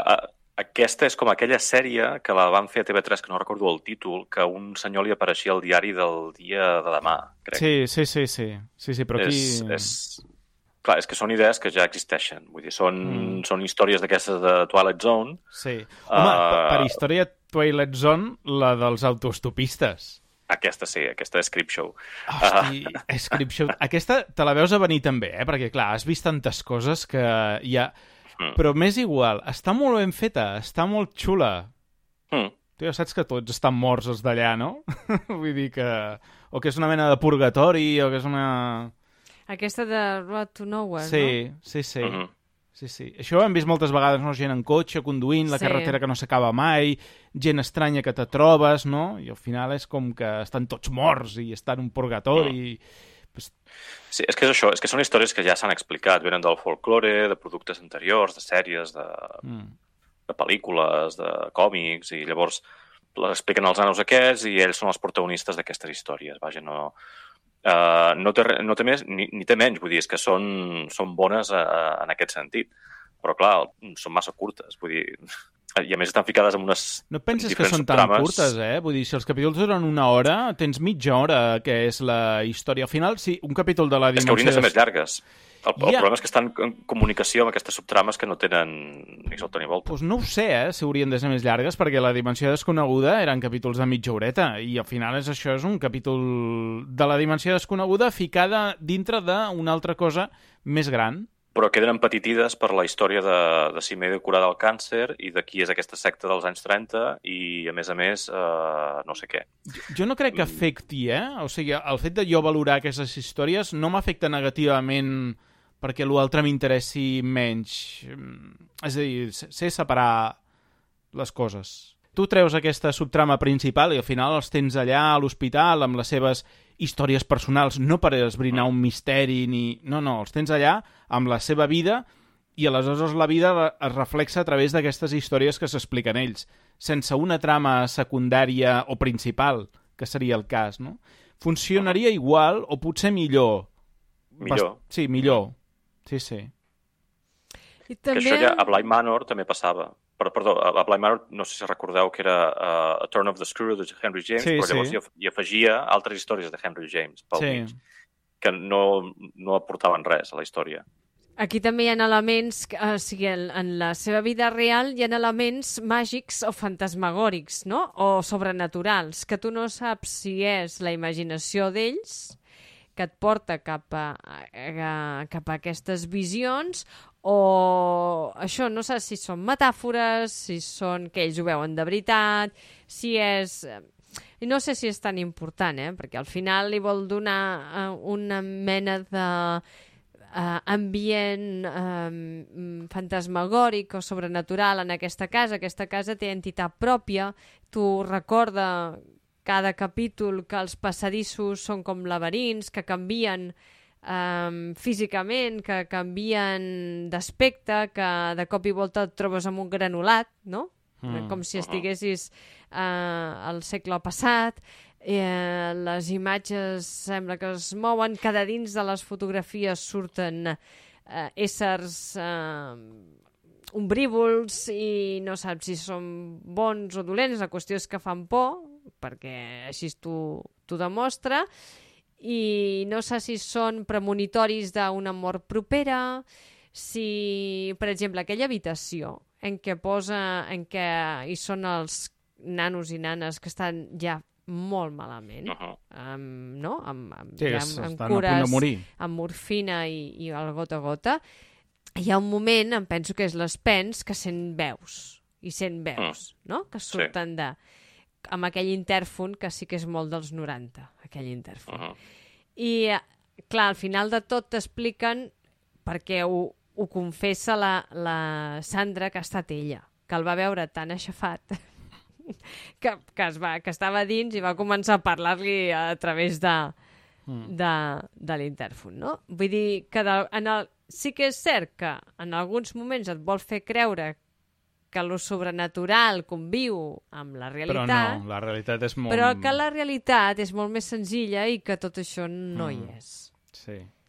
L'altra història interessant és la, la que acaba la sèrie, que és de, de la pròpia Ilonka, no? que de fet reprèn ja una història que també havia anat explicant en capítols anteriors, que és aquesta bruixa, que deu venir de la novel·la, doncs aquesta que comentàvem, que és aquesta història en què també intenta com fer les paus... No, primer s'enamora, no? S'enamora d'un noi que també té l'aspecte del Kevin, que veu com morirà, intenta salvar-li la vida, i aleshores és una mica com destino final, no? És a dir, tu li has salvat la vida, però... Sí. Sí, no hi ha res a fer. No, però morirà en unes altres Les circumstàncies. conseqüències sempre són Sí. fatals per la seva mare. Mm. I al Sí. final ella s'acaba sacrificant a l'hospital salvant a una mena d'Ània. Però no ho has explicat, que per mi l'interessant, que el capítol es diu Witch, i és que ella, la seva protagonista, que es diu Imani, procedeix d'una família de dones amb poders, tant Exacte, sí. curatius com de cam... shape set... mm, com shapeshifters, no? Com Canviants. canviants Mm. i d'altres, i a mi això em semblava... Bueno, eh, m'encanta, no? Uh, però tampoc ho, ho es, explora massa, és el que dèiem abans, Francesc, vull dir que hi ha temes que queden allà i no ho explora massa, i fan servir, tornem a la simbologia, l'aigua, no?, com a conducte d'aquests poders. Uh, demana-li al llac, no? Estan la mare i la filla, demana-li que ell te respondrà. Bueno, al final d'aquesta història és super eh, poètic, romàntic, no? Els dos amants reunint-se al més enllà, totes aquestes coses que... és bueno. el que menys m'ha agradat de la ja ho sabia. si en algun moment podia fer-me angúnia alguna cosa, així? és aquesta. Anaven bé, vaig pensar, anaven bé, i aquí ja... Mira, doncs mira, aquí... l'heu- Mo molta gent, l'heu- molta gent amb el l'heu- mocador L'heu plorant. cagat, a mi ni em- ni m'emociona, ni, en fi, penso que és que s'obre i que és molt més interessant el poder que puguin tenir les dones en aquesta família, però bé. I acabarem explicant-vos què és el que no hem vist o que no veurem de la segona temporada. S'ha acabat la sèrie, s'ha cancel·lat i Mike Flanagan el que ha fet de cara als fans és explicar el que ell tenia pensat que hauríem vist en pantalla i que finalment no veurem. I et tenim a tu, Marta, perquè ens ho expliquis de les paraules del propi Mike Flanagan. Sí, faig un resum perquè em penso que hi ha més, però el més important eh, que ens ha desvetllat en Flanagan és, pel que fa a l'argument, una de les revelacions essencials és que hauria adaptat la història Remember Me de Christopher Pike de forma integral. I com ho hauria fet? Doncs a través d'una història serialitzada, en fascicles, episòdica, que explicaria la Ilonka. Aquest conte va d'una noia a qui empenyen des d'un balcó i ella mateixa investiga el seu assassinat en forma de fantasma. Hauria durat cinc episodis i l'hauria protagonitzada l'Ània, que era l'amiga, l'ànima, l'amiga de l'ànima de la Ilonka a la primera temporada cap al mig final, eh? Això és una de les històries que s'hagués narrat com aquí aquesta història de la bruixa, que també va narrant ella de manera episòdica, hauríem tingut aquesta, per sí, tant. exacte. Remember Me. La història era una manera d'ajudar en Kevin, ja ho sabem, protagonitzat per Ligby Rigney, a viure una mica més tot i el seu deteriorament que anirem veient, que hauríem vist en la segona temporada. També hauria estat una manera d'acceptar el fet que ella, la Ilonka, ha de morir. S'ha de morir. Que això ens costa a tots, veritat? I quan ets, tens 18 anys, encara més. Algunes revelacions sobre alguns dels personatges que hem conegut aquesta primera temporada. El conserge, a qui veiem arreglar les habitacions, sabeu, aquell home tan entranyable, que dona uns consells molt savis i amb molta serenor, doncs és aquest home que arregla les habitacions quan un dels joves mor i parla amb un dels protagonistes. Què és en realitat? L'esperit de la mort. Així que només el veu qui ha de morir aviat, qui s'ha de morir aviat. O sigui, qui ha de ser el següent. Mm. Ja tenim una resposta, per tant. Sí. I la doctora Stanton, de sobrenom Atena, és la filla de la líder original del culte Paragon, la. Tam- Són sobrenoms, eh? La doctora és qui va escriure el diari del grup de culte i que la Ilonka troba a l'episodi 4. D'aquí això que veiem, aquest tatuatge al clatell Sí, i, clar, que, perquè ens deixa amb aquest cliffhanger, no? i que no té cabell. Sí, sí, no, no té cabell perquè en algun moment ella ha rebut quimio, que tampoc deixa, es deixa clar que, que sigui en aquest moment, no? en el moment que la veiem, que, que estigui malalta i que estigui rebent tractament.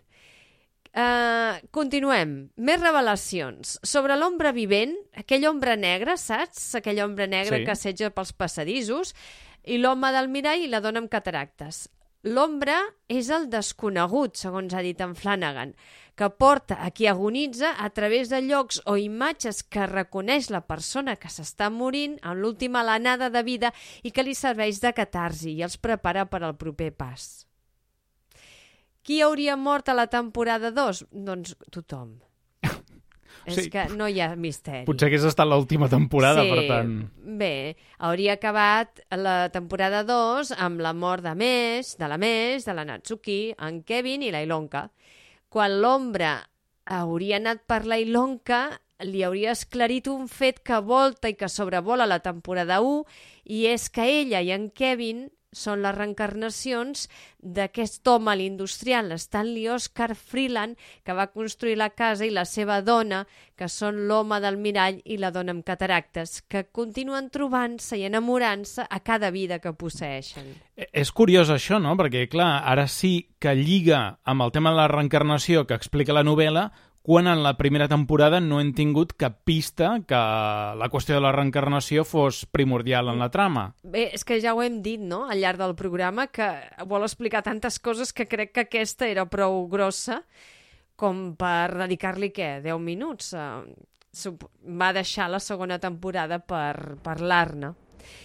Ella, la, la dona de, de l'Stanley Oscar Freeland, tenia demència i no podia sortir de la casa, així que Freeland va fer pintar els sostres i els passadissos amb motius naturals, florals, celestes i amb senyals per guiar-la, però resulta que va tenir cataractes, així que no s'hi veia i vagarejava per la casa.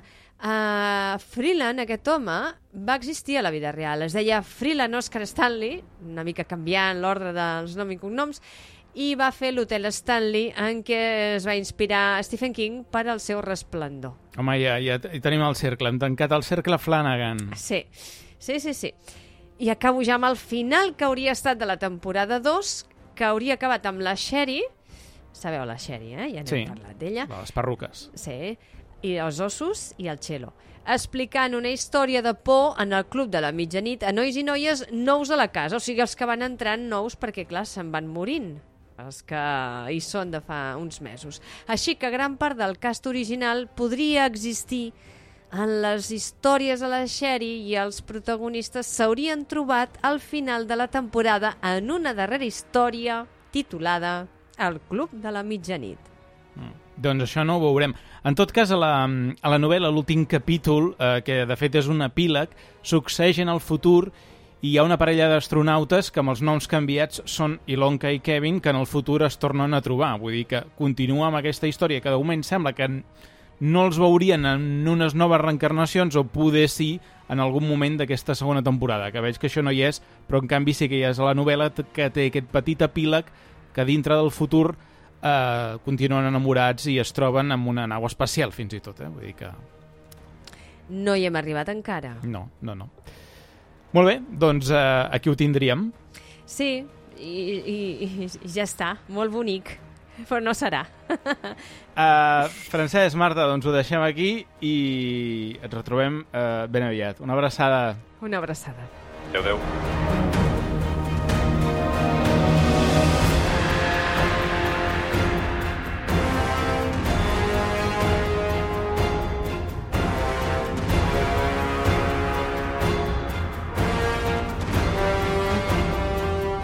I fins aquí el programa d'aquesta setmana. Esperem que us hagi agradat la música que heu escoltat avui. Pertany a Scott Buckley.